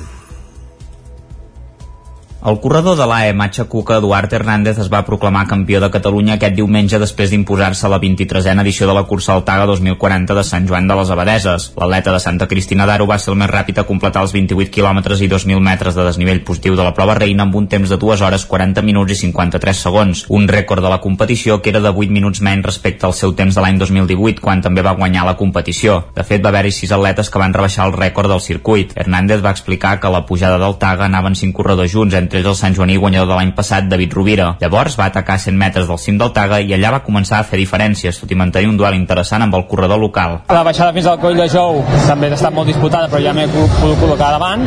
En David, la veritat és que gràcies a en David hem baixat el rècord, ja us ho dic ara, perquè jo no hagués corregut tant, si no tens una llebre o un tiu que està al teu nivell, i hem, hem baixat el Taga, ja ens hem posat un tu a tu, juntament amb en Jonathan i en Víctor, i a la segona pujadeta, allà sí que cap al final de la pujada ens hem desmarcat una miqueta en, en David i jo, baixant estava molt fort, inclús m'ha passat i li he deixat un petit marge perquè tampoc em volia desgastar més del normal pensant en fer un últim atac que si funcionava doncs ja arribava a meta i si no doncs en David està molt més fort ha funcionat ha... Rovira, que va patir una caiguda, va acabar tercer, mentre que Ivan Calvo va ser segon. En la categoria femenina, la cursa també va ser molt igualada i Núria Gil es va proclamar campiona de Catalunya per tercera vegada consecutiva, amb un temps de 3 hores, 11 minuts i 30 segons. L'atleta de Reus del C, l'Areny, va anar de menys a més. He sortit tranquil·leta, no, bueno, porto dues setmanes que no les acabo de trobar, no, molèsties al peu, volia trobar, volia veure quina sensació em trobava avui. I per tant fins que no he arribat a dalt de tot al Taga he anat controlant moltíssim tota la, la zona més de la carena he fet quasi bé caminant perquè no volia fer esguinços, no em volia fer mal però bueno, en el moment que he arribat al Taga llavors he apretat una miqueta més i ha sigut ja quan he pogut distanciar-me de la Georgina. La guanyadora de l'any passat, Georgina Gavarró, va ser segona i Núria Hospital tercera. Aniol Pugiula va vèncer en la cursa de Can Camps de 15 quilòmetres i 900 metres de desnivell positiu per davant de Ramon Cavalleria i Pol Vilalta. Mireia Luixer va ser la dona més ràpida i va superar Ivet Navarro i Mireia Caselles. En el recorregut del Coll de l'Art de 9 quilòmetres i 500 metres de desnivell positiu va guanyar Jan Castillo per davant de Pere Menéndez i Albert Soler. Gabriela La Salle va triomfar en dona superant a Marc Córdoba i a Uma Plans. El bon temps va permetre que la participació arribés al mig miler de corredors entre les quatre proves del diumenge, perquè també es va córrer la taga infantil de 5 quilòmetres per nens d'entre 13 i 14 anys, que va guanyar Joan Guitares i Aina Roca. El director de la prova, Albert Ramoneda, va denunciar la mala praxi d'algun ciutadà que podria haver tingut conseqüències molt negatives per la prova, però que per sort es van solucionar amb rapidesa. Voldria condemnar que una, alguna persona realment d'una manera malèfica, per dir-ho d'alguna manera, el recorregut infantil, des de que nosaltres hem anat a obrir el recorregut fins que han passat els primers primers corredors, que això entre una cosa i altra ha passat mitja hora, ens ha arrencat alguns cartells i a més a més ens ha, ens ha marcat diferent algunes cintes o ens ha arrencat algunes cintes, de forma que algun dels participants s'ha perdut i l'hem hagut d'anar a buscar. Això, clar, estem parlant d'una cursa infantil, que són persones de 13 a 14 anys, Tot i l'incident, la cursa organitzada per la Unió Excursionista de Sant Joan va ser un èxit i va comptar amb més de 200 voluntaris, una zona d'animació amb música d'una cinquantena de persones a Coll de Jou i 80 participants a la taga de kits de dissabte. Acabem aquí aquest repàs informatiu que hem fet en companyia d'Isaac Montada, Jordi Sunyer, Caral Campàs i Òscar Muñoz. Moment de conèixer la previsió del temps.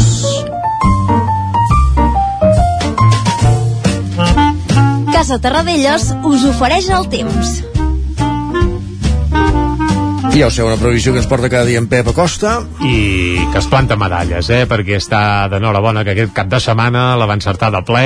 Va, Pep, medalla al canto. Vinga, bon dia. Hola, uh, vaig encertar bastant Sí, sí, la sí, sí, sí, em poso alguna medalla I tant, i el tant. dia més inestable va ser divendres i de molt i uh, dissabte i diumenge he tingut, he tingut dos dies molt, molt més tranquils i avui dilluns també serà un dia bastant, bastant tranquil ens veiem unes temperatures uh, més baixes encara valors de 12 graus a Mollà també uns 12 graus a Vic 11, 10 graus a Ripoll i fins i tot temperatures per sota dels 5 graus a les zones més altes de, del Pirineu. Uh, ja comença a fer fred, fred en aquestes zones més altes de, del Pirineu. Tenim pocs núvols, el sol és el gran protagonista del dia i a la tarda queixava una nuvolada a les zones de muntanya, molt poc important, només núvols decoratius que no deixaran cap, cap precipitació ni molt menys. Les temperatures màximes, la majoria entre els 22, 27, 28 graus. Pujaran una mica respecte al cap de setmana.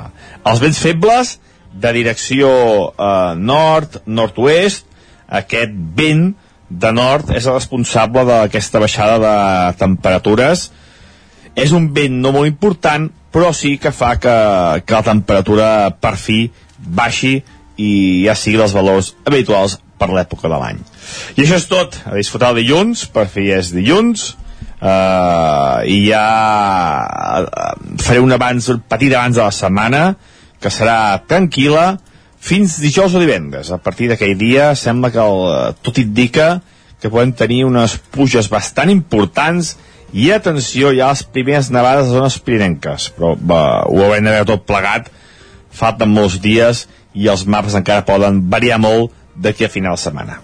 Moltes gràcies, fins demà, adeu. Gràcies a tu, Pep, fins demà.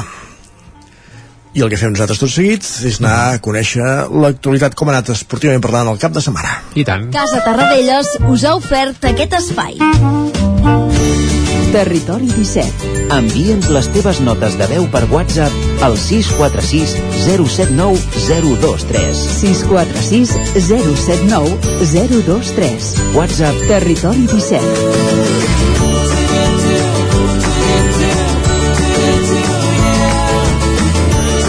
Territori 17. Som a Facebook, Twitter i Instagram amb l'usuari Territori 17.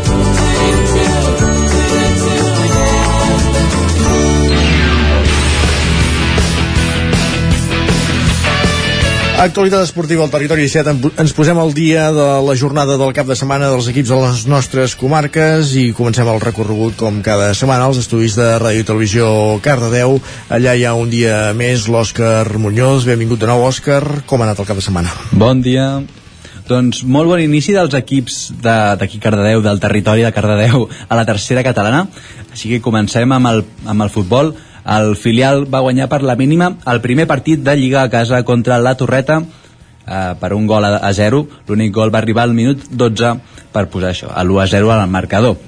el, on també vam tenir victòria va ser amb el primer equip del Llinàs, que va guanyar a fora de casa per un gol a 3 al camp de l'Atlètic del Vallès. Així que bon inici pels equips eh, a la tercera catalana. Anem al, anem al bàsquet. Divendres anunciàvem el partidàs que teníem entre el Granollers i el Joventut de Badalona B, a Lliga EVA. Doncs el Granollers va imposar-se al Joventut en una pròrroga èpica per acabar amb un 78 a 77 en el marcador. El quart període va acabar amb un empat a 71 després d'una gran remuntada del Granollers i després de la pròrroga doncs, dos tirs lliures i una bona defensa va ser decisiu pel triomf final. Ara el, el Granollers doncs, passa a la fase final de la Lliga Catalana EVA com a tercer millor segon classificat de la fase de grups. Així que ja anirem anunciant els partits aquests que tenen el cap de setmana que ve. I acabem amb l'embol a Granollers amb dos partits. El primer, les noies del balonmano Granollers varen perdre eh, per 29 a 26 a casa del Gran Canària. Molt mal començament de Lliga de les granollerines ja que han perdut els tres partits disputats d'aquesta Lliga Guerreres Iberdrola i qui sí va guanyar va ser el Franking. En el seu partit a Logroño va guanyar per 24 a 35 victòria còmoda que fa que el Franking ara mateix pugi a la tercera posició eh, amb 4 punts, empatat amb el segon que és el Vidasoa Irún i el quart que és el Conca Perfecte, moltes gràcies, Òscar. Bon dilluns. Continuem aquest recorregut eh, als estudis d'una codinenca. Eh, no sé si tenim la Caral Campàs, si no anirem cap a la de Sant Joan. Caral, ets per aquí? No, eh? Doncs anem cap a la veu de Sant Joan, allà ens espera l'Isaac Muntades. Isaac, benvingut, bon dia. Bon dia, bon dia. Doncs, eh, com comentàveu, eh, de fet a l'informatiu ja ho hem parlat una miqueta, el tema de la, de la cursa del Taga, us faré un breu resum perquè sí que ja, ja ho hem comentat. Eh, sabeu que era campionat de Catalunya aquest any aquesta cursa i hem de dir doncs, que la victòria va ser per Eduard Hernández i Núria Gil, que s'han proclamat nous campions de, de Catalunya en aquesta prova reina de 28 km i 2.000 metres de desnivell positiu que pujava doncs, al Taga, al Puig Estela i a, i a Sant Amant eh, que sortia, doncs, com ja sabeu, d'aquí de Sant Joan de, de les Abadeses i es va fer eh, rècord de la prova, en aquest cas Eduard Hernández va marcar un temps de 2 hores 40 minuts i 53 segons. Eh, segon doncs, eh, va ser eh, Ivan Calbó i tercer el Sant Joaní local David Rovira que precisament doncs, va ser el campió de l'any passat, el que va guanyar la cursa l'any passat en categoria femenina, això que us comentava Núria Gil va guanyar amb 3 hores 11 minuts i 30 segons i a darrere seu doncs, hi va tenir Georgina Gavarró i Núria Hospital. A les altres curses hem de dir que Aniol Pugiula i uh, Mireia Luixer van guanyar la, la cursa de 15 quilòmetres i en el cas de la de 9 quilòmetres els vencedors van ser Jan Castillo i Gabriela uh, La també hi va haver una cursa uh, infantil en aquest cas els vencedors uh, van ser Joan Guitares i Aina Roca. Uh, pel que fa al, als esports eh, com el futbol, que han arrencat aquest cap de setmana, ja sabeu que ha començat la Lliga, a la tercera catalana, eh, el grup 18, els tres equips ripolleros doncs, van començar amb resultats dispars, el Camp de Bànols. Sí que és l'únic que va aconseguir guanyar, amb una victòria ajustada per celebrar la festa major davant l'Atlètic Banyoles, en un partit força igualat, es van avançar els banyolins amb gol de Sila amb un remat en un cop de cap en el córner. Anguita va empatar amb un xutras al minut 24 després de, després de que Pol pentins una bona pilota i Monell va fer el 2 a 1 a 10 minuts pel descans després d'una centrada de Sánchez els porters van ser protagonistes en grans aturades i Esteve va aturar un penal al minut 72 que va permetre al Canano de sumar els primers 3 punts i ser tercer. La Badesenc no va passar de l'empat a 2 contra el Sant Gregori al camp dels gironins en un partit on va perdonar múltiples ocasions i va empatar sobre la botzina. Es va avançar amb un gol de, de De Cruz després d'una bona passada de Dani. Oliveres va fer dos gols, el primer de, de penal i després d'aprofitar un rebuig eh, defensiu per capgirar el marcador Vilaró del Sant Gregori va ser expulsat i a la Badesenc va aconseguir empatar l'últim minut amb un gol de Cabanes in extremis amb una pilota morta. És novè amb un punt la Badesenc, el Camprodon també és 11 amb un punt després d'empatar amb la Cellera no va tenir un bon retorn a la categoria, en principi hauria d'haver guanyat aquest partit, es va avançar amb un gol de Planella al contraatac i Cesai va empatar doncs, als pocs minuts de començar la, la segona part en rematar una falta indirecta. I per acabar, només dir-vos que aquesta cap de setmana doncs, es va celebrar a la segona edició del Rally de la Llana al Ripollès, eh, aquesta és la 23a però és la segona que es fa al Ripollès i va ser el biguetà Albert Oriols doncs, que ja és un clàssic que, que va guanyar doncs, eh, aquest rally amb un temps d'una hora 3 minuts i 30 segons. Uh, i bé, va guanyar tots els trams pràcticament menys l'últim. Uh, per tant es pot dir que va, va ser molt dominador va ser un frec a frec bastant entre Oriols i Pons que eren el favorit, Eduard Pons el que passa és que eh, va punxar Eduard Pons i es va quedar despenjat i per tant aquí el, el segon classificat doncs, van ser una parella francesa formada per Richard Genesca i Fabrice Nambruida eh, 16 segons i el tercer classificat eh, doncs va ser José Luis García al costat de, de Jordi Forcada 26 uh, segons. Molt bé, doncs gràcies Isaac. A vosaltres. Ens veiem a la tertúlia, fins ara fins ara. Continuem aquest recorregut i anem fins a Ona Codinenca, ara sí amb la Caral Campàs, benvinguda, bon dia. En futbol, la tercera catalana, el grup 5, el Mollà es va enfrontar al Ceba en un partit que podríem dir que va ser complicat i que va acabar amb empat a 1 i encara en el mateix grup el Sant Feliu de Codines va rebre el Vigues diumenge, un maig molt disputat que es van endur els codinencs tot i anar perdent la major part del partit. Per tant remuntada davant del Vigues que al minut 24 guanyava per 0 a 2 i encara a tercera catalana el grup grup 7, el Caldés no va fer un bon paper en el seu debut en aquesta classificació. Disputaven a la pista del Sant Pau Manresa en un partit que va acabar per 2 a 1. Recordem que el Caldés va fer història pujant de quarta a tercera catalana per primera vegada. I el Castellterçol, que ha baixat a quarta on competeix el grup 4, no comença la temporada regular fins al cap de setmana vinent i per tant que el futbol Alcaldes, que competia l'any passat a segona, i recordem que també van fer història i aquest any seran a primera catalana amb el Granollers, el grup 1 eh, debutaran el primer cap de setmana d'octubre i aquests dies s'estan preparant molt intensament. Fins i tot han fet unes estades al càmping al Pasqualet, tot l'estaf tècnic i jugadors combinant reunions amb entrenaments personalitzats.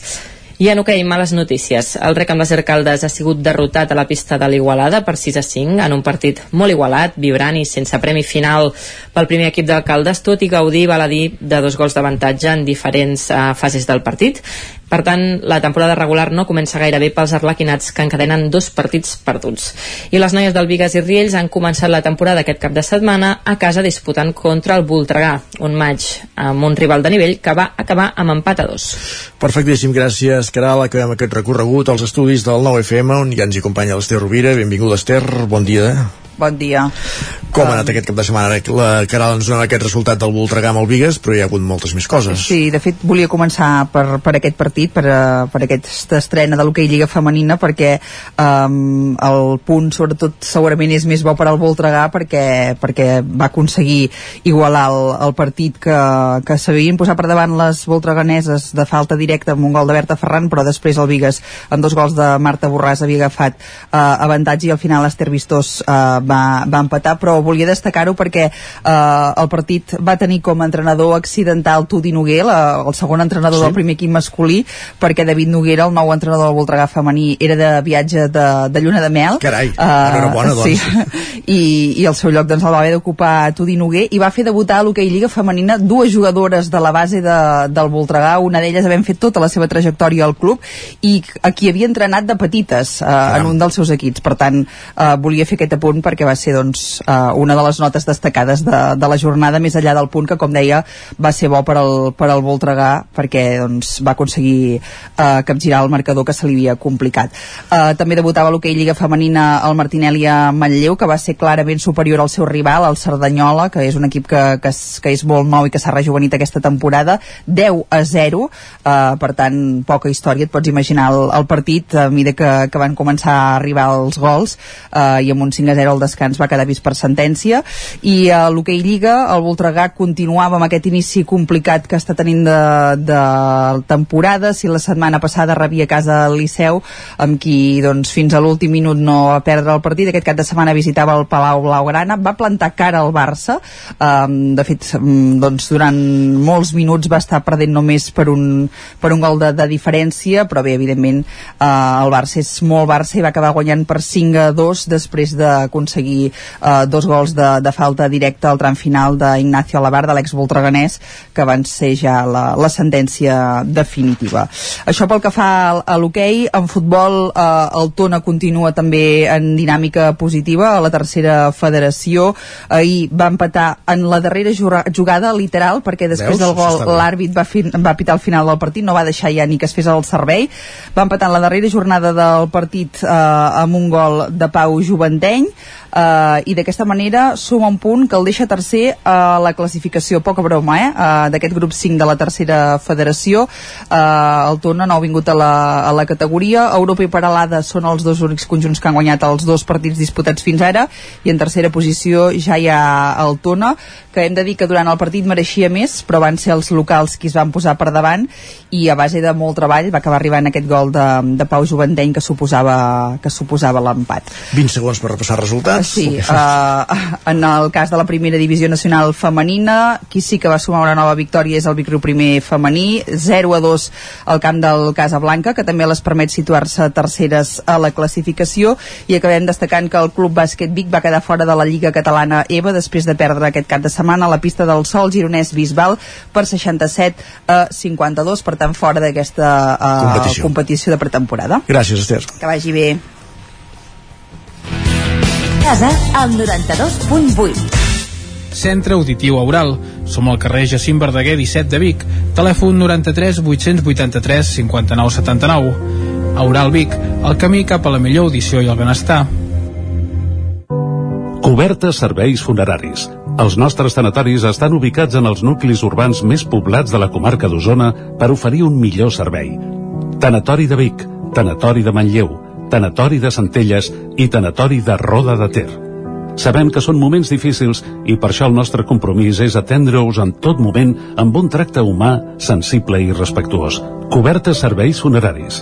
Telèfon 24 hores 93 883 23 46.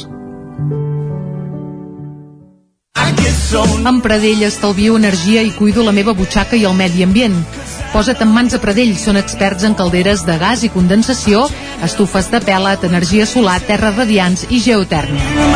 Pradell instal·la calderes de biomassa per a particulars i per a empreses. Si vols estalviar un 50% en consum, contacta amb Pradell i passa't a les energies renovables. Pradell, som a l'Avinguda Països Catalans 27 de Vic. Telèfon 93 885 11 97. Pradell.cat. Anuncia't al 9FM. La màquina de casa. 9 3 8 8 9 4 9 4 9. Publicitat arroba al 9FM.cat. Anuncia't al 9FM. La publicitat més eficaç. Cocodril Club. Si t'agrada la bona música dels anys 60, 70 i 80, escolta el 9 FM als matins de dissabtes i diumenges d'11 a 1. És el temps del Cocodril Club, tot un clàssic de la ràdio, amb les bases del pop-rock, les llegendes, les cançons que s'han convertit en autèntics himnes. Recorda, dissabtes i diumenges al matí, d'11 a 1, al 9 FM 92.8. Cocodril Club, el programa revival de l'Albert Malla. Hasta luego, cocodrilo. La taverna d'en Sidoro. Fem esmorzars de forquilla, vinars, sopars i tenim una gran varietat de tapes i plats per escollir. Cuina oberta tot el dia. Tenim peix fresc de la llotja. No et perdis el nostre extraordinari pop. Vine a la nostra terrassa. La taverna d'en Sidoro. Som al carrer Pirineus 20 del polígon Mas Galí de Gurb. Telèfon 93 883 1689.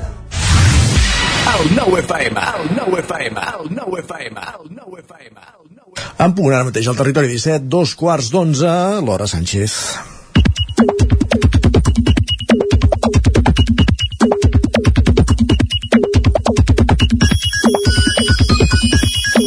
I tant, Laura Sánchez, i per tant ja saludem en Guillem Sánchez. Molt bon dia. Què tal? Com estem? Ah, bé, com ha anat el mercat de música viva? Bé, Lleuger. el vas gaudir lleuger, lleuger. Lleuger, perquè només el vaig poder gaudir dimecres i divendres a, a plaça, el dissabte no, per tant ha passat una mica com qui no vol la cosa, però, però bé, correcte. Va, deixem un correcte. Doncs vinga, va, doncs què ens portes? No, sé, no sé si són piulades relacionades amb la música i el mercat o Amb ja la- ens n'anem per altres Amb la temàtiques. música sí, perquè l'Eric ens escriu Ahir vaig tornar a xafar una discoteca gran i no em coneixia ni un 5% de les cançons que sonaven. Diu, el pas generacional és un fet i aquest indica que no puc estar més d'una hora en un espai nocturn que no sigui o bé un concert, una sobretaula llarga o com a molt un pub de poble. Bé, l'edat té aquestes coses. Sí, sí. De fet, hi ha respostes que no s'han fet esperar, com la de l'Ivan, que li diu m'alegra saber que no només em passa a mi, o aquest altre usuari que li escriu has de ballar dissimulant, que no sé com es balla dissimulant.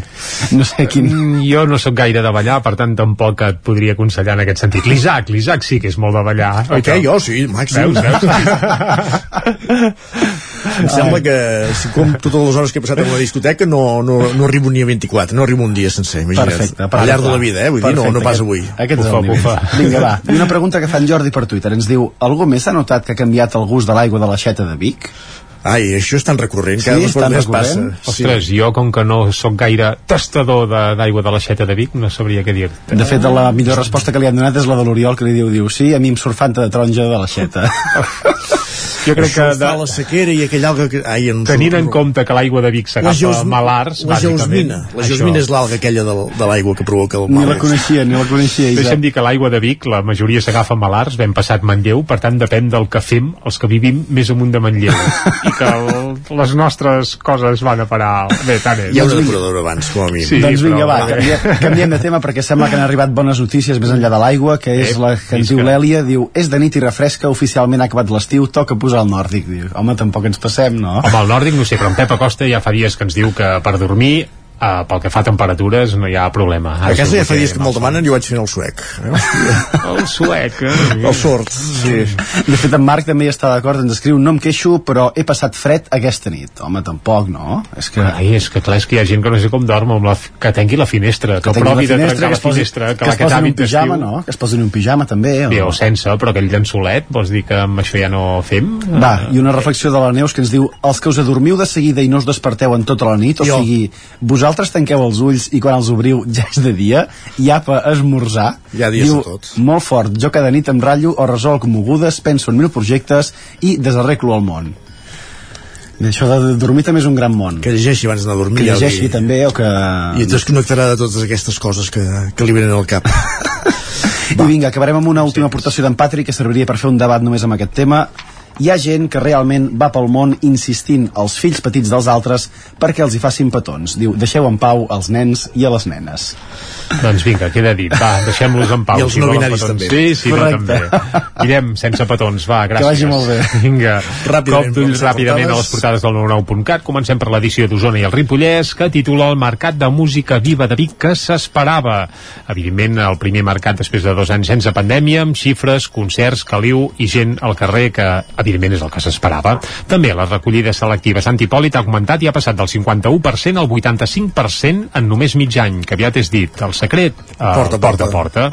I rescaten quatre persones a Gombrèn. Això també apareix a la portada del 9-9 d'Osona i el a Ripollès. I anem ràpidament a fer un cop d'ull al Vallès Oriental. El turó de l'home continua en mans de l'Estat set mesos després d'haver-se firmat el traspàs a la Generalitat. Uh, bé, des que d'aquí un any no puguem fer el mateix titular i els castellers de Mollet fan el 3 de 7 i el 4 de 7 durant la fira d'artesans per tant estrenen Castells. bons castells, clar que sí Gràcies, Jordi. I res. anem cap a la tertúlia esportiva. Hem anat massa ràpids, ara. Territori 17. El 9 FM, la veu de Sant Joan, Ona Codinenca, Ràdio Cardedeu, Territori 17.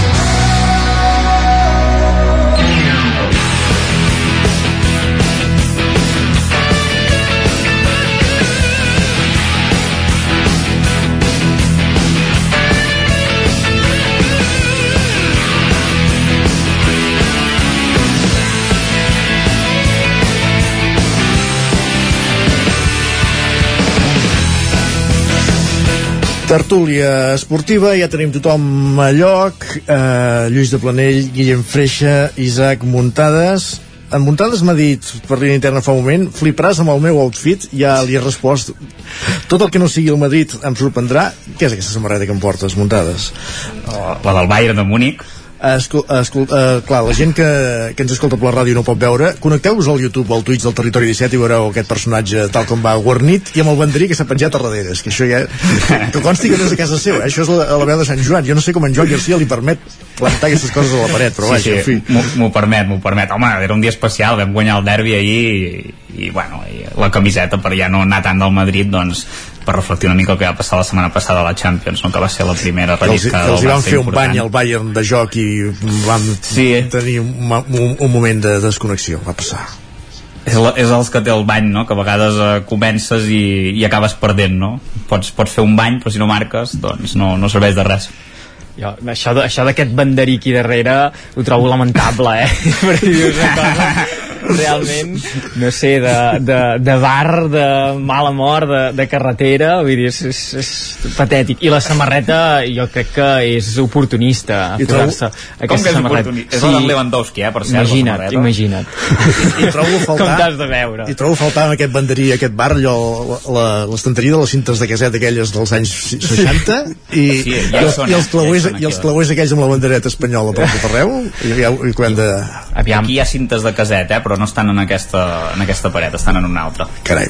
Jo crec que el partit de, de Champions és, és cert que el, el Bayern va acabar guanyant, que el que importa són el, el resultat. I tu pots jugar molt bé a futbol, però si no marques golets eh, malament, malament rai, però sí que sent en la lligueta on, on estem, si això fos una eliminatòria es, es valoraria diguem, molt pitjor, eh? però sent la lligueta i en el moment de la temporada en què estem Uh, tot i el resultat, que com dèiem no és eh, definitiu, perquè hi ha aquesta uh, lligueta, les sensacions ens han de fer ser optimistes, o sigui, anar al camp del Bayern de Múnich, dominar a tot un Bayern de, de Múnich i després amb dues jugades de màxima efectivitat, perquè els jugadors del Bayern també tenen qualitat, doncs acabar perdent, jo crec que tampoc és per fer-ne un, un drama, tot i que eh, jo per exemple a les xarxes socials vaig fer un, un tuit després del partit, això eh, que les, les sensacions es, estan bé però que han d'arribar resultats perquè si hi ha aquestes bones sensacions però ara hi ha una altra ensopegada amb l'Inter i et quedes amb aquesta, amb aquesta fase de grups doncs ostres, eh, bueno tot plegat n'hi ha una mica pel, pel pedregar. Però les sensacions són bones i a la Lliga jo crec que aquest any sí que tornarem a viure un, un Barça-Madrid amb, amb poques, amb poquíssimes ensopegades. Ja que estem amb aquesta era de les xarxes socials i estem emetent per Twitch i per YouTube, com que ens arriben comentaris d'oients també els hem de llegir. Esteve Camps diu, tornem a la ràdio, és millor sense imatge. Ho has entès, oi, muntades? Per on va això? Ja, no, no ens fotis en l'aire l'audiència, eh, muntades. Això vol dir que ens està mirant la gent, és important. De, de, Avui, totes avui maneres, s'havia de fer. de totes maneres, els culers us vull recordar que dels últims 5 partits el Bayern n'ha guanyat un. Sí, no, a la Lliga no... Sí, no... el del Barça, no? Sí. Bueno, però... No, vull dir que no està molt en Ja, forma. ja fan sí. com l'Espanyol, es preparen tota la temporada per aquell partit. Ja, això vol dir que ens tenen en, en compte. O vosaltres com el Madrid, perquè aquesta temporada, la Lliga passada, l'única satisfacció va guanyar va ser el 0-4 al Bernabéu. No, però també Bueno, sí. sí Però, però, en aquell moment hi havia alguna cosa més, eh? Guanyar aquell partit semblava Sí. que havia sigut un punt d'inflexió per fer alguna altra cosa, però Podies no, que no va ser. Va ser podies al aixecar el vol. Jo crec que també hi ha escenaris que el Bayern a la Lliga alemana no, no li estan sortint bé les, les coses, eh, crec que això, eh, que no ha guanyat cap partit encara aquesta temporada en, en competició domèstica o, o molt pocs, ara no, no les... No, sí, n'ha guanyat 3. Sí? Bueno, però que els resultats Sí. no estan sent els que, so, els que haurien de ser i que ja li hem, sí. avui sentia que ja li posaven una mica un ultimàtum no? amb, amb Nagelsmann Sí, ja, en, ja, ja sona Tuchel. i en canvi a la Champions eh, l'ambient jo crec que també fa que tots els jugadors que l'equip eh, bueno, s'impregni d'una altra d'una altra sensació d'una altra la Champions l'ha tingut molt fàcil. qui? El, el, el Bayern. Bueno, però vull dir que el partit aquest amb la, amb la dinàmica que portava el Bayern també els hi podia, i, i el bon partit que va fer el Barça també els hi podia haver, els hi podia haver tocat la, la cresta, perquè el, el més normal veient aquell partit era que el Barça eh, marqués un o dos gols a la primera, a la primera unitat perquè n'hi van haver de molt clares i no De va ser així Estarem d'acord que en, canviaran d'entrenador, no? Però el Bayern guanyarà la Lliga Alemanya. Això segur. Sí, és... Sí, és, és difícil que no la guanyi. Hi ha algun equip que ha començat bastant fort, l'Unió de Berlín que ha guanyat tots els partits sí, quasi bé, i el Bayern n'ha empatat 3 i n'ha perdut un, que això és, són bastantes punxades, eh, amb 7 partits. Normalment a aquestes altures ja, ja anava líder i anava líder destacat, sí. però sí que és veritat que la Champions és el que dèieu, que és una altra aura, no? Sí. Però, però el Bayern jo crec que li falta la, bueno, una peça clau, no? que jo crec que és Lewandowski sigui, sí que al principi semblava que els primers partits sí que feia gols ara no en fa tants i, i aquí s'està notant i el Barça doncs s'han portat tots aquests gols perquè és un davanter que ja ho hem vist que és molt oportunista que està on toca estar i, i les fa de totes les maneres possibles no? Bueno, és oportunista i també sap eh, crear joc. Sap estar on ha d'estar, no, no, no i, i, també, i també juga, sí, no és, no és com en Haaland, que en Haaland potser és d'aquells jugadors que toquen dos o tres pilotes i, i no li fa falta fer res més. Ell, ell Lewandowski sí que combina més sí, és un molt bon, és un molt bon fitxatge si jo ho diré sempre, jo sí. l'hagués fitxat pel Madrid Però segurament és un molt bon fitxatge, però, Però si diguem... no el necessiteu. Exacte. fa uns anys vull dir, quan, ah. quan era Clar, el Borussia sí. Dortmund sí. que, que us en va marcar uns quants, em sembla, no? Amb el Borussia Dortmund, amb el Madrid, crec que hi ha una eliminació Sí, però- de, de Champions. però, No, però bueno jo, jo, jo el, que, el que volia dir és això, que Lewandowski dins l'entorn blaugrana hi havia molts dubtes de si seria un bon fitxatge o no, però allò que dèiem de la... Portem eh, sis partits, no? Sis jornades. Sí, és cert. Sí, esclar, em, esperem, esperem una mica perquè Bueno, esclar, però el rendiment jo, jo està crec sent bo. que, ostres, més de, més de 10 gols, eh, porta ja. Ah, no sé si porta no, no, 10, 10 o ja. 13 gols, no? però tots sabem que, que els, els davanters tenen ratxes, i, i quan, Sí, sí, quan sí. se n'acaba una doncs pot venir una altra de llarga que no, no li entren i si sí. en lloc del pal el, o, o de dins va al pal doncs mira eh, Sí, l'únic, a mi el que m'agrada de, del Barça aquest any és això, eh, que tenim una, una referència davant com és uh, Lewandowski, però que després uh, hi han alternatives, perquè per exemple, aquest cap de setmana va jugar a Memphis Depay, que uh, va estar també a la porta de sortida durant tot l'estiu, que si se'l treien, que si no se'l treien, i uh, uh, al final s'ha quedat, juga i a més a més bueno, rendeix i, i, i compleix. Uh, això explicaven que el, el jugador ha sigut també masell de voler-se quedar i que s'ho ha pres també com un, mm. com un repte.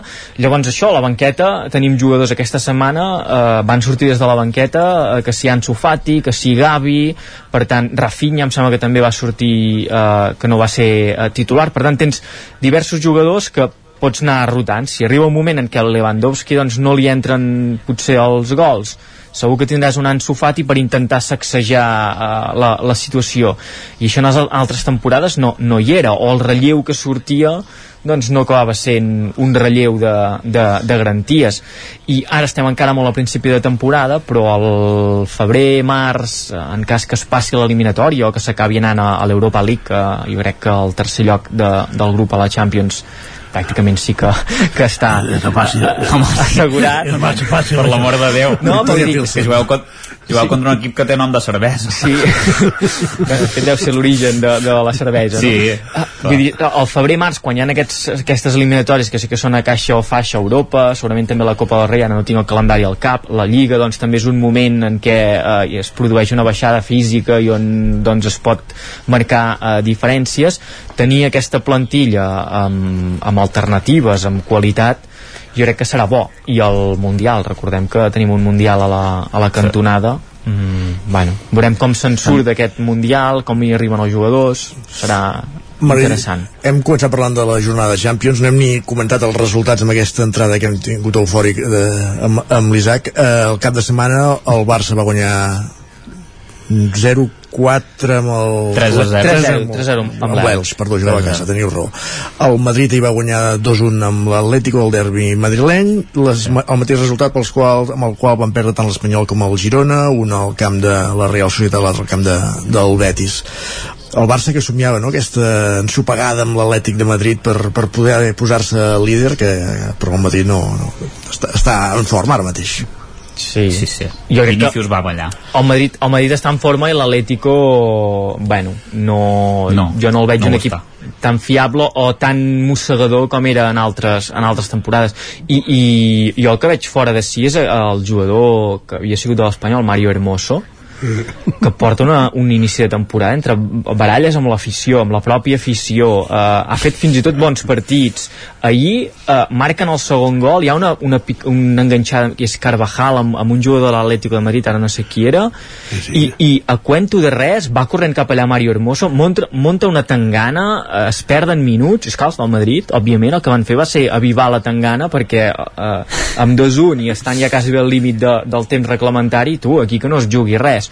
I jo pensava, ostres, és que què, què li Va- passa pel cap va ser jugador? l'únic al·licient de la segona part, eh, perquè Sí. bueno, si no fa el gol aquell amb l'espatlla, perquè no, el volia pas fer, eh, vull dir, aquell partit a la segona part va ser un, un autèntic horrible, no? Però per això, en, en el moment en què semblava que començava a haver una mica d'efervescència, que marca el, el 2-1 l'Atlético, que, no sé, el, el Metropolitano pot revolucionar-se una mica, això, un gol de rebot i acabes empatant, alguna cosa d'aquestes, l'èpica aquesta de l'Atlético de Madrid, i surt aquest jugador i trenca el ritme d'aquesta manera, m'ho vaig trobar bueno, surrealista, tot, tot plegat. Bueno, ja sabem que el Madrid li té una mica presa la mida a l'Atlètic de Madrid ara, ara últimament costava més em sembla que és la segona vegada que guanyem el camp de l'Atlètic de Madrid tampoc hi ha en aquest nou eh, camp vull dir, vull dir no, no està malament perquè em sembla que som Sí, som l'equip... Ara ja no es diu Wanda, em sembla. Ara No, es diu ja no. Kivitas Sí, algo. Metropolitano, o no, sé, o no sé com es diu.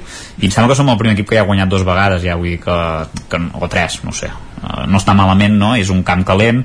Uh, ahir, contràriament a lo que va passar en molts partits del Madrid, mm, segurament... Bueno, la primera part va tenir ocasions l'Atlètic de Madrid, però, però tampoc no van ser allò excessivament clares i el Madrid va sentenciar una mica el partit a la primera part que curiosament és al revés del que passa no? que normalment físicament eh, doncs, porta els partits perquè siguin llargs i a les segones parts doncs, acaba tombant doncs, el rival per, per asfíxia no? i en aquest cas eh, va resoldre el partit ràpid jo crec que la polèmica que hi ha hagut aquests dies eh, al voltant del partit amb, amb Vinícius, aquesta tensió que s'han provocat les declaracions de Coque, una mica tot ha jugat una mica en contra de l'Atlètic de Madrid que a més a més s'ha de eh, veure que ahir l'afició a l'entrada i també en el partit doncs va ser una mica lamentable no? fent crits racistes i, i desitjant-li la mort al jugador del Madrid que, que senzillament ja veus, està celebrant. És que fins i tot surten exjugadors del Barça a defensar-lo que celebri els gols com vulgui. Uh, uh, ara que has tret el tema, m'agradaria reproduir, reproduir un vídeo que corre des d'ahir a, Sí. a Twitter d'un periodista mallorquí, l'Àngel Aguiló, que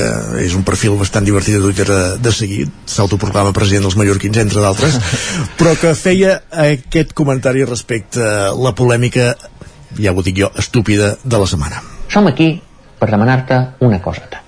Que deixis anar escàs Vinícius i que de passada tornis una persona una mica més tolerant. El cas Vinícius no deixa de ser un reflex de la societat a la que vivim. Una societat d'ofesos, una societat que ho du tot a l'extrem, una societat que de qualsevol bajanada en fa una qüestió capital. Escar Vinícius simplement és el cas d'un tipus que és un maleducat, que no sap estar un camp de futbol, i no per com celebra els gols. Els gols són alegria, són felicitat, que els celebri com vulgui, ballant, fent es mort. El problema d'en Vinícius és que sistemàticament falten el respecte en els rivals, els vacila, els humilia, els desprecia. Per què? Perquè és bo i juga amb el Madrid, i per això ja se creu en dret de fer-ho. Però els gols, que els celebri com vulgui, tu no te pots ofendre per tot, que t'ofens per tot, per com un tipus celebra un gol, per un comentari que fa un tio a la televisió, per humor, ves molt alerta avui en dia fer humor, perquè sempre hi haurà un col·lectiu disposat a ofendre-se en l'humor, en les bromes, fins aquí el vídeo continua, eh? però en fi, la reflexió principal ja ha quedat, ha quedat uh, prou clara uh, en fi jo, jo estic gairebé sí, d'acord com, com Neymar al Barça no? eh que sí?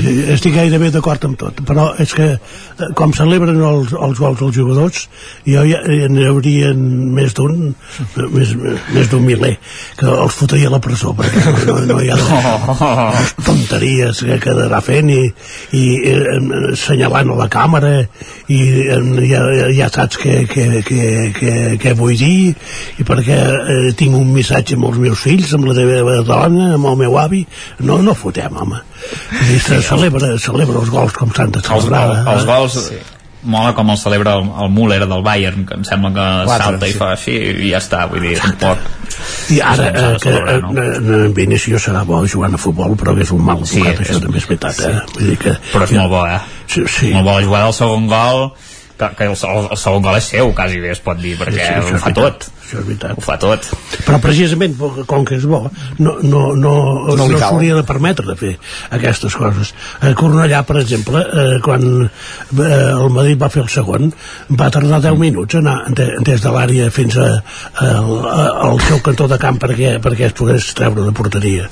I fer-se veure amb aquestes qüestions tan estúpides ho trobo, ho trobo absurd, ho trobo de, de, de persona que, de futbolista tan bo com vulguis, però això com a esportista jo diria que, que li falta molt. Eh? Sí, crec que estem en un moment en què els esportistes, diguem, de primer nivell també tenen un punt d'egòlatra, no? Eh, molt, molt accentuat de, de protagonisme. Això és un esport d'equip, eh, òbviament en un esport d'equip doncs hi ha determinades posicions que, que destaquen més que, que d'altres, la de davanter, com que, o la de golejador, com que és el que al final acaba acaparant més protagonisme, sense dubte és una d'elles i després hi han perfils i en el cas de, de Vinícius doncs eh, això, aquesta necessitat imperiosa doncs, de tenir visibilitat.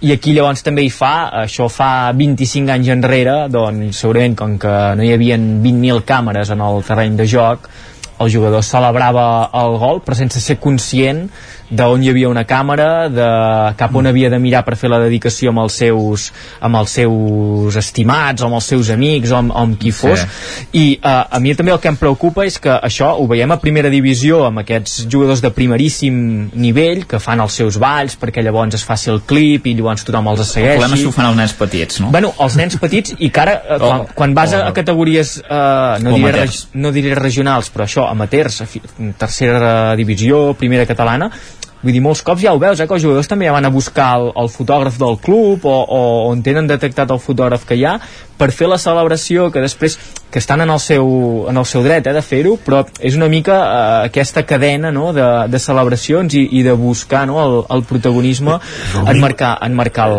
És el mimetisme en aquest cas. Sí, sí. I jo penso que en, en Vinícius l'únic problema que té ara és que és massa jove i que hi haurà un moment que ho entendrà i que veurà que el futbol és això és fer...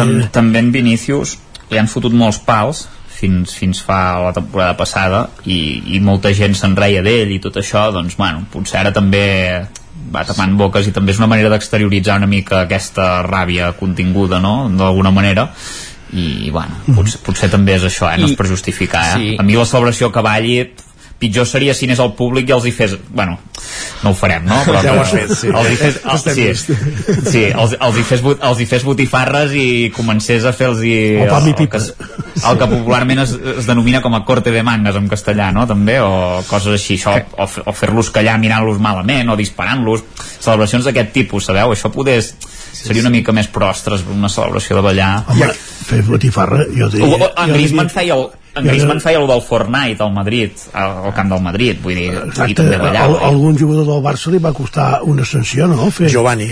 Exacte, fer, fer botifarra al públic del Madrid. és que clar. Sí, sí, n'hi ha d'il·lustres, no?, de, de, de botifarres.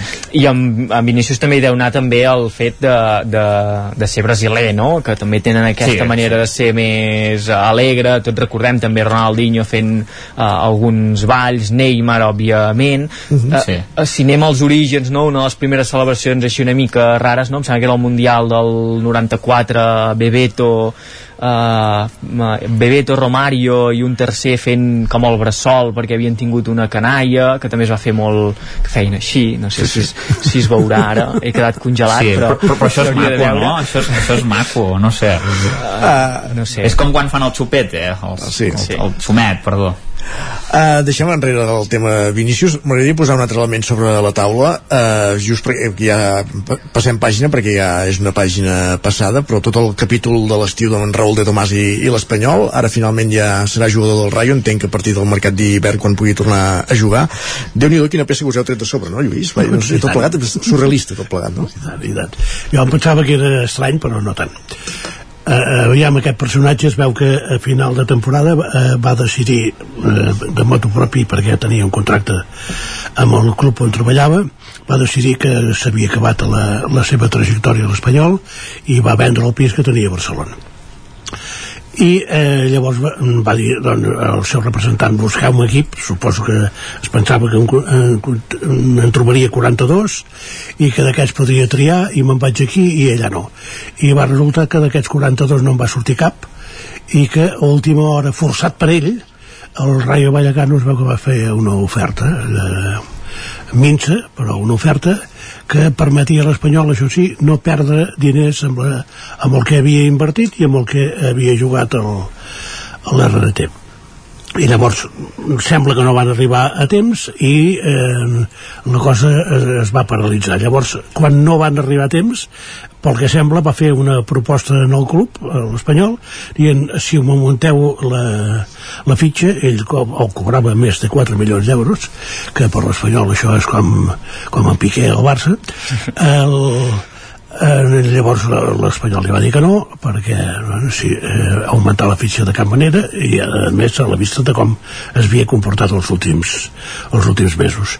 I pel que sembla també de, ell va acabar les vacances una mica més tard que els altres eh, companys perquè havia tingut alguna cosa amb la selecció i eh, ja estava previst i a la que va arribar es va reunir amb, amb l'entrenador i li va dir que, que naturalment que ella la- l'estrella de l'equip i que per tant l'equip havia de jugar eh, pensant en ell i poca cosa més.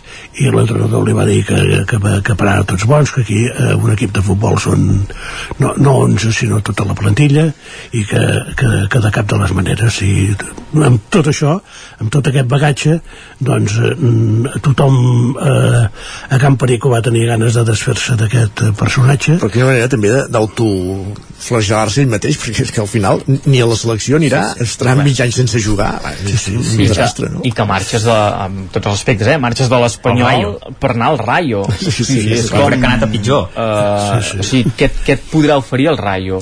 Eh, en, en primer lloc viure a Madrid que és el que Sí, volia clar.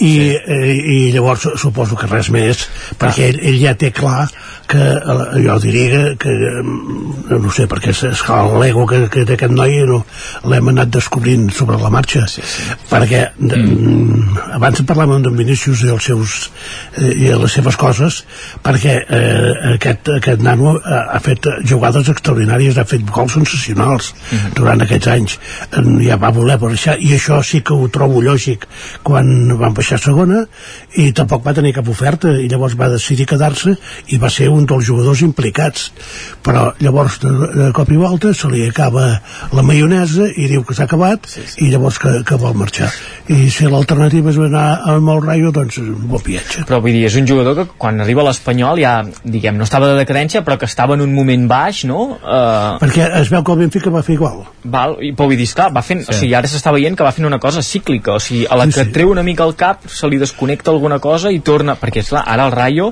haurà de tornar a demostrar que és un bon futbolista per un bon, sí. bon equip i a més a més que tothom ja el va calant de, que fa aquestes a mi el que m'estranya és que l'entrenador del Rayo accepti això. Ja, ja. Bé, el president, no? I per dalt, això. Bueno, el, el president sí. també, del Rayo, vull dir, sí, sí. sí. aquest deixem-lo part. Sí. Nois, gràcies, acabem aquí la tertúlia. Isaac Montades, Lluís de Planell, Guillem Freixa, vés a canviar, va, Isaac, que s'ha sortit així al carrer.